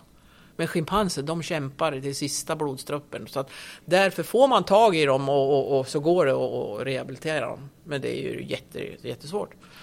Men eh, hur, hur går det till? Hur hamnar de här små schimpanserna på barer och så vidare? Det är ju så att eh, vi håller på att käkar upp vår närmaste släkting. Det är det många som blir chockade över när jag säger varför håller på schimpansen på att försvinna i det vilda? Och det är för att vi håller på att äter upp dem. Äter upp dem? Bushmeat. Bushmeat är ett jättestort problem i Afrika. Eh, där man går ut alltså och och skjuter djur i det vilda. Och från början, sen urminnes tider, så var det liksom eh, pygméerna gick med en pilbåge och sköt en schimpans till fest. Det har liksom varit fint att äta schimpans. Det gör man vid fest och när det är något speciellt på den tiden. Men idag när man får access till djuren, man gör ju vägar in i regnskogen idag och hugger ner regnskogen. Och det är återigen vi som köper ädelträt, teak, mahogny och ebenholts. Och så länge det finns en sån otrolig efterfrågan och marknad på den här skogen och det här träet så kommer det här att fortsätta. Och så åker man in på och kan skjuta elefanter och andra djur också. Och då skjuter man schimpanser som man tar till marknaden och säljer som bushmeat. Och för att skjuta kanske några, en schimpans eller någonting sådär så, så kan du gå, komma, komma åt flera stycken för att de skyddar ju varann. Och, och många gånger när man skjuter en schimpans så har de ju de här små ungarna på magen, sitter på magen. De sitter ju på mammas mage i fyra, fem år och diar i fyra år. Och då när honan har blivit skjuten, då rycker man av de ungarna.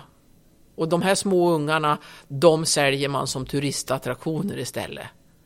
Och får pengar för. Det finns, så tjänar man lite mer pengar att sälja de här små schimpansungarna. Och de äter man inte, för man har fortfarande massa eh, saker i Afrika. Man tror att om man äter schimpansbarn som, schimpansbarn som diar så, så kommer det onda andar och tar det. Alltså det är ju outvecklade länder. Det här är ju inte hela Afrika utan det är ju vissa delar utav Afrika som det här finns kvar bara.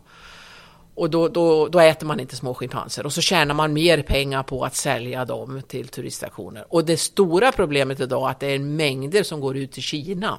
Till Kina just? Ja, Kina ja, och andra länder också. Så smugglas det ut små schimpanser alltså. Som, eh, det är ju häftigt att ha en liten schimpans och, och hemma och ha som barn.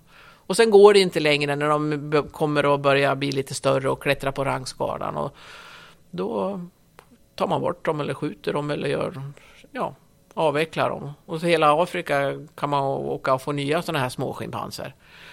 Och det är det här vi måste få stopp på, tjuvskjutningen. Och de här små schimpanserna då som man säljer, det är det många barer som har dem, sitter där och lockar in folk och så, tycker det är kul att ha dem. Man har ju inte den här känslan för djur som vi har eller, eller vi, vi har ju inte många, mycket bättre vi heller många gånger. Så jag ska inte säga att de är något sämre, men de har ju mycket fattigare än vad vi har och det är fattigdomen driver ju oftast människor till mycket sådana här saker. Och då har vi eh, människor som konfiskerar de här med myndigheter och så åker man ut och konfiskerar de här. För det här är en förbjuden hantering. Det här är en illegal hantering. Man får inte varken skjuta, flytta eller inneha en schimpans. De är rödlistade alltså. De har, det, så det får man inte. Men det är ju ingen som bryr sig. Det är ett lågt, låg prioritet i, i berörda länder. Men då konfiskerar man dem ihop med myndigheterna och tar dem till reservat och, och lär dem att bli schimpanser. Och tanken är ju att, att de ska, vissa som det går, kunna föras tillbaka till det vilda igen. Men det är ju inte alla som det går att göra det. Men om vi inte ser till att reservaterna överlever så, kom, så kommer, de är ju liksom en riktig reservoar för den vilda eh, schimpansen i framtiden. Så har vi dem i alla fall kvar där. Och samtidigt i reservaten så utbildar man barn och ungdomar och människor i runt om reservaterna om de här djuren och tar bort sådana här gamla trolldomstankar som, som fortfarande lever kvar där. Att det finns onda andar och att äter man eh, en gorilladel så får man styrkan ifrån en gorilla. Det finns ju fortfarande sådana här gamla skrupler kvar som man tror på. Det gäller ju att utbilda människorna runt om i reservaterna. Och det är det som driver mig idag. Men du gör det via en organisation. Kan du berätta lite? Vad är det för organisation? Den heter Sweden Chimpanzee Trust. Och den började jag med när jag jobbade i Furuvik. Det var ju därför jag var inne hos schimpanserna för att få, få, få folk att förstå det här. Och så byggde vi upp den här. Och sen när jag slutade Furuvik så tog jag med det. För det var en ideell förening som, som, som liksom var knuten till, till mig. Så den driver jag fortfarande idag. Och det är ju så att vad kan man göra för att hjälpa? Ja, det är pengar. För de här reservaten, de får inte en krona ifrån myndigheterna eller att, att bedriva det här. Utan det går runt enbart på grund av donation. De här människorna som sliter sitt hår och kämpar med sitt liv för schimpanserna. Det är enbart organisationer som hjälper dem att överleva. Så därför är det så viktigt att det är pengar som behövs. Och för min del då så i den här Sweden Chimpanzee Trust så har jag, mitt motto är att varenda krona vi samlar in ska oavkortat gå ner till schimpanserna. Vi har ingen organisation som kostar någonting. Det är jag och mina några vänner i, i styrelsen. Och vi jobbar ju gratis givetvis, ideellt allihopa. Och ser till att varenda krona går ner. Och sen åker jag ner till Afrika också. Det har ju blivit mina vänner, de här reservaterna som jag jobbar med. Och liksom få all feedback tillbaka, vad pengarna har gått till. Och det tycker jag är viktigt idag, för att det är så många organisationer som kanske samlar in 10 kronor och så går 8 till en stor administration och 2 går till berörda. Det, har, det, det gör ju inte vår lilla förening, men den är inte så stor, men den gör skillnad i alla fall. Men du, du har varit där nere ett antal gånger i Afrika? Ja, försöker åka varje år. Nu har jag inte åkt på två år tack vare coronan. Så vi har inte kommit iväg. Men eh, både i Sierra Leone och Kongo och Zambia och eh, Kenya. Och Kongo är ett reservat som heter Jack som jag har väldigt bra samarbete med. Och det har ju blivit mina vänner, de som driver det reservatet. Kan du beskriva lite, hur, hur, hur, ser det ut i ett land som eh, Kongo? Jag tänker mig att det är en av Afrikas eh, fattigare länder. Ja, det är ju jättesvårt. När jag kom dit första gången så, så tänkte jag, herregud gud alltså. Det, för det första har presidenten en egen väg från flygplatsen. Den var jättefin och den fick vi inte åka på. Utan vi fick sitta på de där skumpiga vägarna och, och, och som nästan är oframkomliga. Och jag tror jag har aldrig sett så mycket fina palats och fina gårdar bakom lyckta dörrar som man fick titta högt över och se att det var fint. Och det var ju militärer och, och högt stående människor som bodde där. Och utanför så var det ju full människor som inte hade någonting som svalt på gatan. Så det är ju en otrolig orättvisa i det där landet. Jag brukar säga att det är ett land som Gud har glömt. det är hemskt alltså att säga så, men, men det är inte lätt att leva och det gör ju det ändå svårare för de som driver reservatet där inne också. Och mycket konflikter och varje dag jag pratar med Roxanne så hör hon hur de skjuter runt knutarna där de bor och sådär med bråk och konflikter mellan människor. Och får det liksom, får dem att tänka på djuren, det är ju inte så lätt. Men de har kommit långt. De bor i en stad som heter Lumbumbashi. Och när de började här nere för, vad kan det vara nu, en 15 år sedan kanske. Då var det fullt med schimpanser på smågator och restauranger och så. Och idag finns det inte en schimpans där ni liksom sitter så, så illa till för att de har spridit budskapet och informerat och börjat jobba med myndigheterna så de har ju fått bort de här från gatorna och när det kommer någon som, som de vet om människor nu så kommer de och skvallrar och talar om att ah, det är en som har en schimpans där borta. Så att eh, det går ju lite framåt men det går ju alldeles för sakta. Men jag kan tänka mig, du pratar om det till pengar inblandade i det här. Peng, när det är det så brukar det också bli ganska farligt att konfiskera ja, men schimpanser eller något annat i tjuvjakt och så ja, vidare. Ja, det Var... är det. De har, jag har varit med, när jag har varit hos dem, så har jag varit med. Sist jag var med så konfiskerade vi en schimpans som satt hos en högt uppstående militär. Och för det första fick vi inte komma in, de var jättearga. Men vi har alltså beväpnad polis med, med AK-4 med. För det kan, alltså det kan bli ett bråk hur lätt som helst. Så att de, de riskerar ju sitt liv varenda gång de åker och konfiskerar en schimpans. För det är klart att det är ju deras pengar. Och den här lilla schimpansen hade suttit på en bakgård i en liten bur och inte hade någon skugga och så, här, så att, Men vi fick ju komma in till slut med våld i princip. Att och, och, och hämta den där schimpansen. Men det var mycket ilska. Jag var rädd, jag var livrädd. Jag satt kvar i bilen länge innan jag vågade mig ut. För jag kände liksom att här kliver man inte ut bara och det kan hända saker. Men de, de har ju lärt sig hur de ska hantera det där och de har ju polis och, och, och vapen med sig. Nej, för jag tänker just eh, högt uppsatta personer i ett sånt samhälle eh, har väl också en viss eh, De våldskapacitet. Det. det. var det som var så svårt här att vi, vi fick komma tillbaka ett par gånger innan vi kom in. För det var liksom många turer innan vi fick komma in genom grindarna hos den mannen. Men när det är ute i byarna, för ofta sitter de ju i småbyar, de har ju, kommer ju till småbyar och de ska sälja dem vidare och då är det ju liksom eh, fattiga människor som har dem och då är det ju pengar för dem. Och då, är ju inte också, då blir det ju också en konflikt. Så det är svårt. Ett farligt jobb är det. Men ett nödvändigt. Vad, vad kan vi här hemma göra eh, för att eh, stävja den här avverkningen och, och det som sker där nere?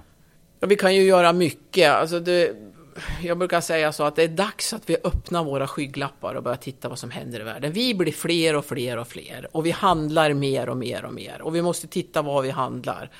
Så att eh, det är ju teak, mahogny och ebenholt som, som är den stora eh, skövlingen. Så att den lilla människan kan ju börja tänka på att de inte ska köpa teakmöbler. Och då säger man att det är miljömärkt och skyddat, men det är så korrupt så du kan aldrig garantera att det är rätt.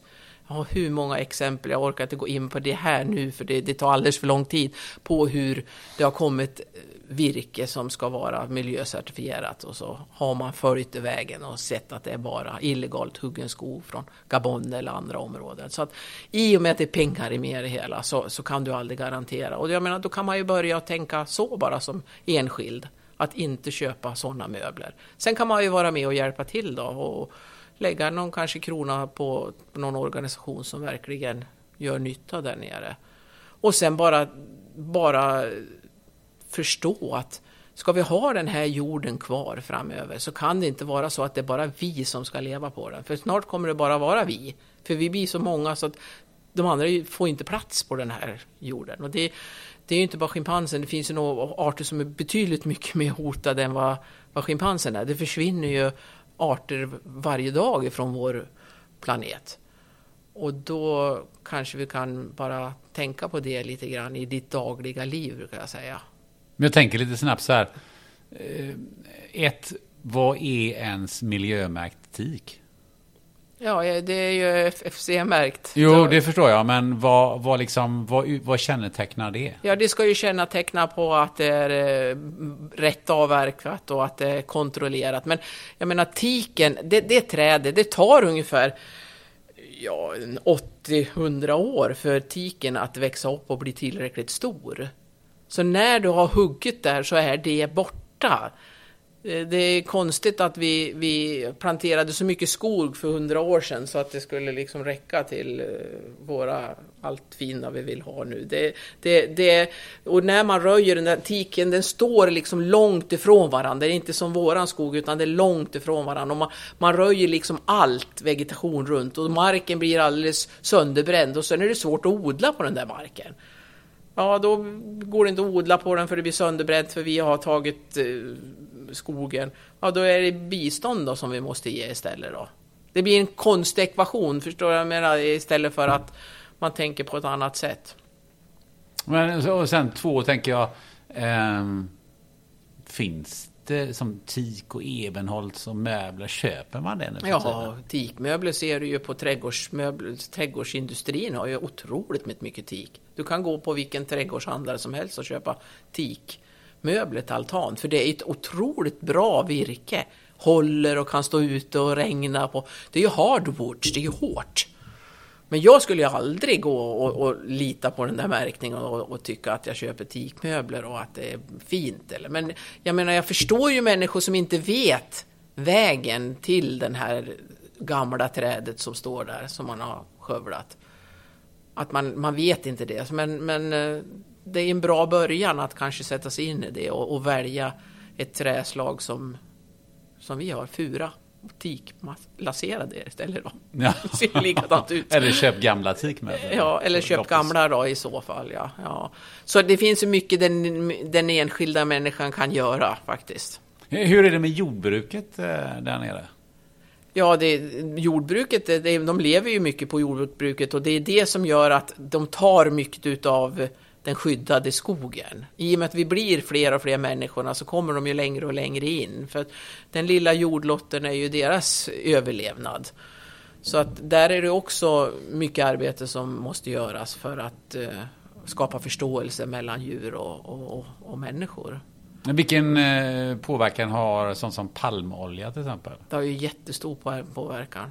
Det är ju, det är ju en billig olja och det, finns, det är ju liksom det som är det absolut billigaste och det finns i varenda liten produkt om du tittar så finns det palmolja.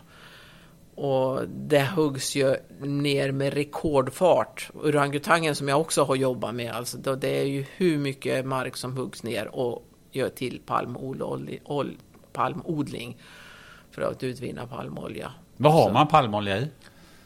Ja, ja, det har ju, det, tar, köper en chokladbit så har du palmolja. Den är ju jättebillig. Nästan all mat, titta bakom, det står ju på, på, på produkterna. Så då kan man ju välja produkter som är palmoljefri.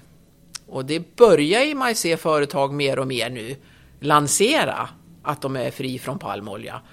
Och det är för att man, många börjar förstå det där att vi kanske måste, måste börja tänka så och att man kanske kan sälja sin produkt bättre idag för folk blir ju mer och mer miljömedvetna. Så att jag såg i julas pepparkakor var det flera stycken som det stod att de var fri från palmolja. Och det var ju jättebra. Det hade man ingen alla- aning om att det var palmolja Ja, det är de flesta pepparkakor är ju palmolja. Det har nästan palmolja i allt, tyvärr. Men det går att välja produkter. Och jag har en, en vän eh, som heter Tom Svensson som har gjort eh, samarbete med en del eh, affärer och gjort sådana här eh, som de kan sätta på palmoljefri produkter med en orangutang, jättefin.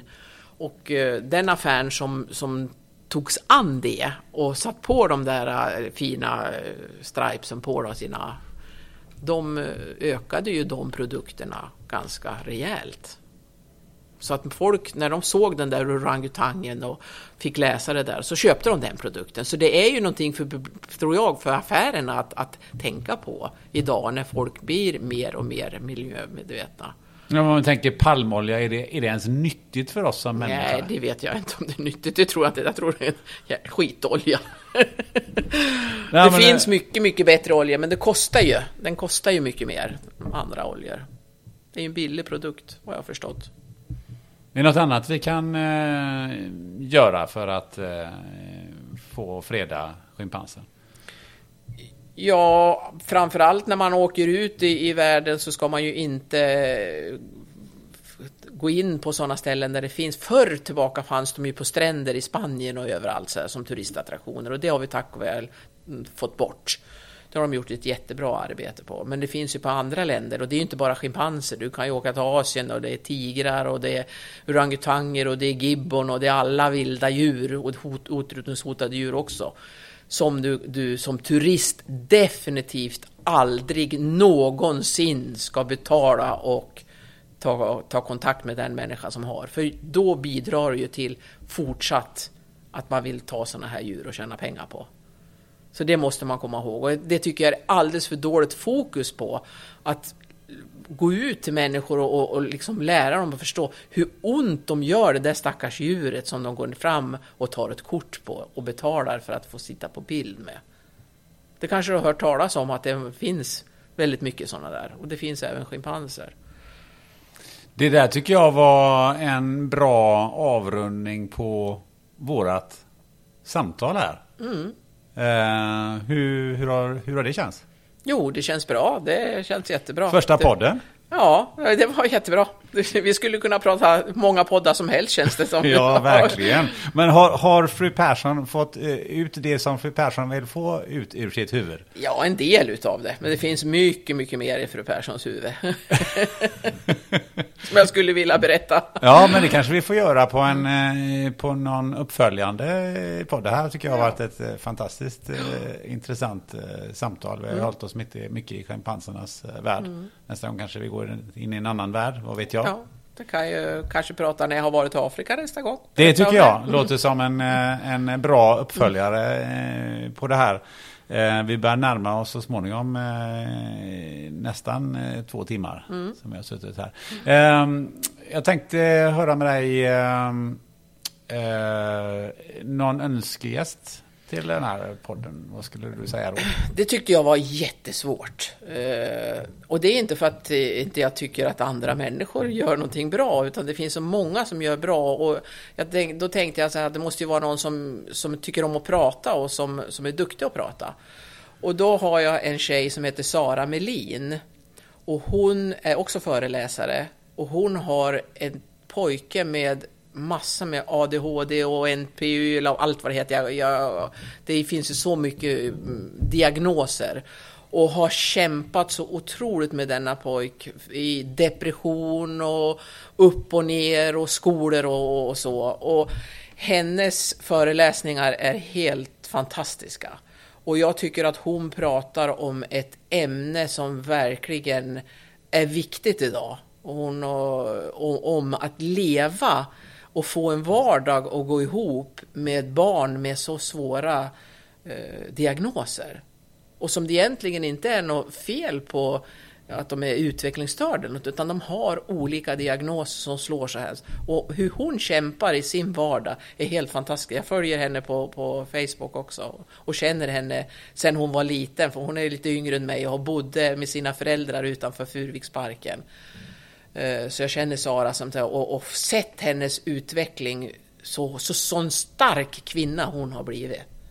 Så, och hon är fantastiskt duktig på att prata, så det, henne skulle jag kunna tro, Jag tror att hon gör en väldigt, berättar om någonting som många kan relatera till idag. Ett väldigt bra tips. Ja. Tycker jag. Eh, jag kom på en sak som vi också ska göra, eh, kanske en uppföljande på någon gång. Eh, det är att prata trav. Ja, det har vi ju inte pratat Nej. ett dugg om. Det pratar vi om på lunchen. Men ja, precis. Det, det, bara, den den ja, världen är jag ja. ju jätteintresserad ja, av. Och det är ju en stor del av mitt liv idag. Precis. När jag är hemma här i Sverige. Då är det hästar som gäller. Då har vi något att snacka om. Ja, tycker jag. Ja, vad härligt. Du, om man vill eh, boka dig eller ha tag på dig på något sätt eller så, vad, hur, hur gör man då? Man ringer. Man, eh, mina uppgifter finns på www.swedenchim.se och där står mitt telefonnummer och då är det bara att ringa och så får vi se om det passar. Sen har du en egen hemsida. Mm. Ingmarie Persson, ja. Ja. Och sen har du en bra Facebook-sida. Ja, Som man tycker absolut Ja. man ska titta på. ja, ja. absolut, det kan man göra. Ja. Ja, verkligen. Eh, Ingmarie Persson, ett stort, stort tack för att du ville vara med i den här podden. Tack så mycket för att jag varit inbjuden. Tack. Du har lyssnat till avsnitt 98 av Spännande möten med Ingmarie Persson. Vill du lyssna på någon annan som har en särskild relation till djur? Ja, då rekommenderar jag avsnitt nummer 17 med Emilia Astrenius Widerström som har kor som favoritdjur. Följ gärna podden och kommentera på sociala medier. Vi finns på Facebook, Instagram och LinkedIn. Gå gärna in på webbsidan spannandemoten.se. Där hittar du mer om podden och om mig. Stöd gärna podden genom att bli månadsgivare på Patreon.com. Som du hörde i det här avsnittet så kan schimpanser må dåligt av alkohol, precis som vi människor. I nästa avsnitt, ja, då kommer Camilla Kylenstierna och berättar om just det, nämligen vad som hände när alkoholen tog över hennes liv. Till dess så sätter du dig i soffan med en god vän och tar ett glas rabarbersaft och funderar på om möjligen flädersaft är mer krispig i smaken. Ha det gött!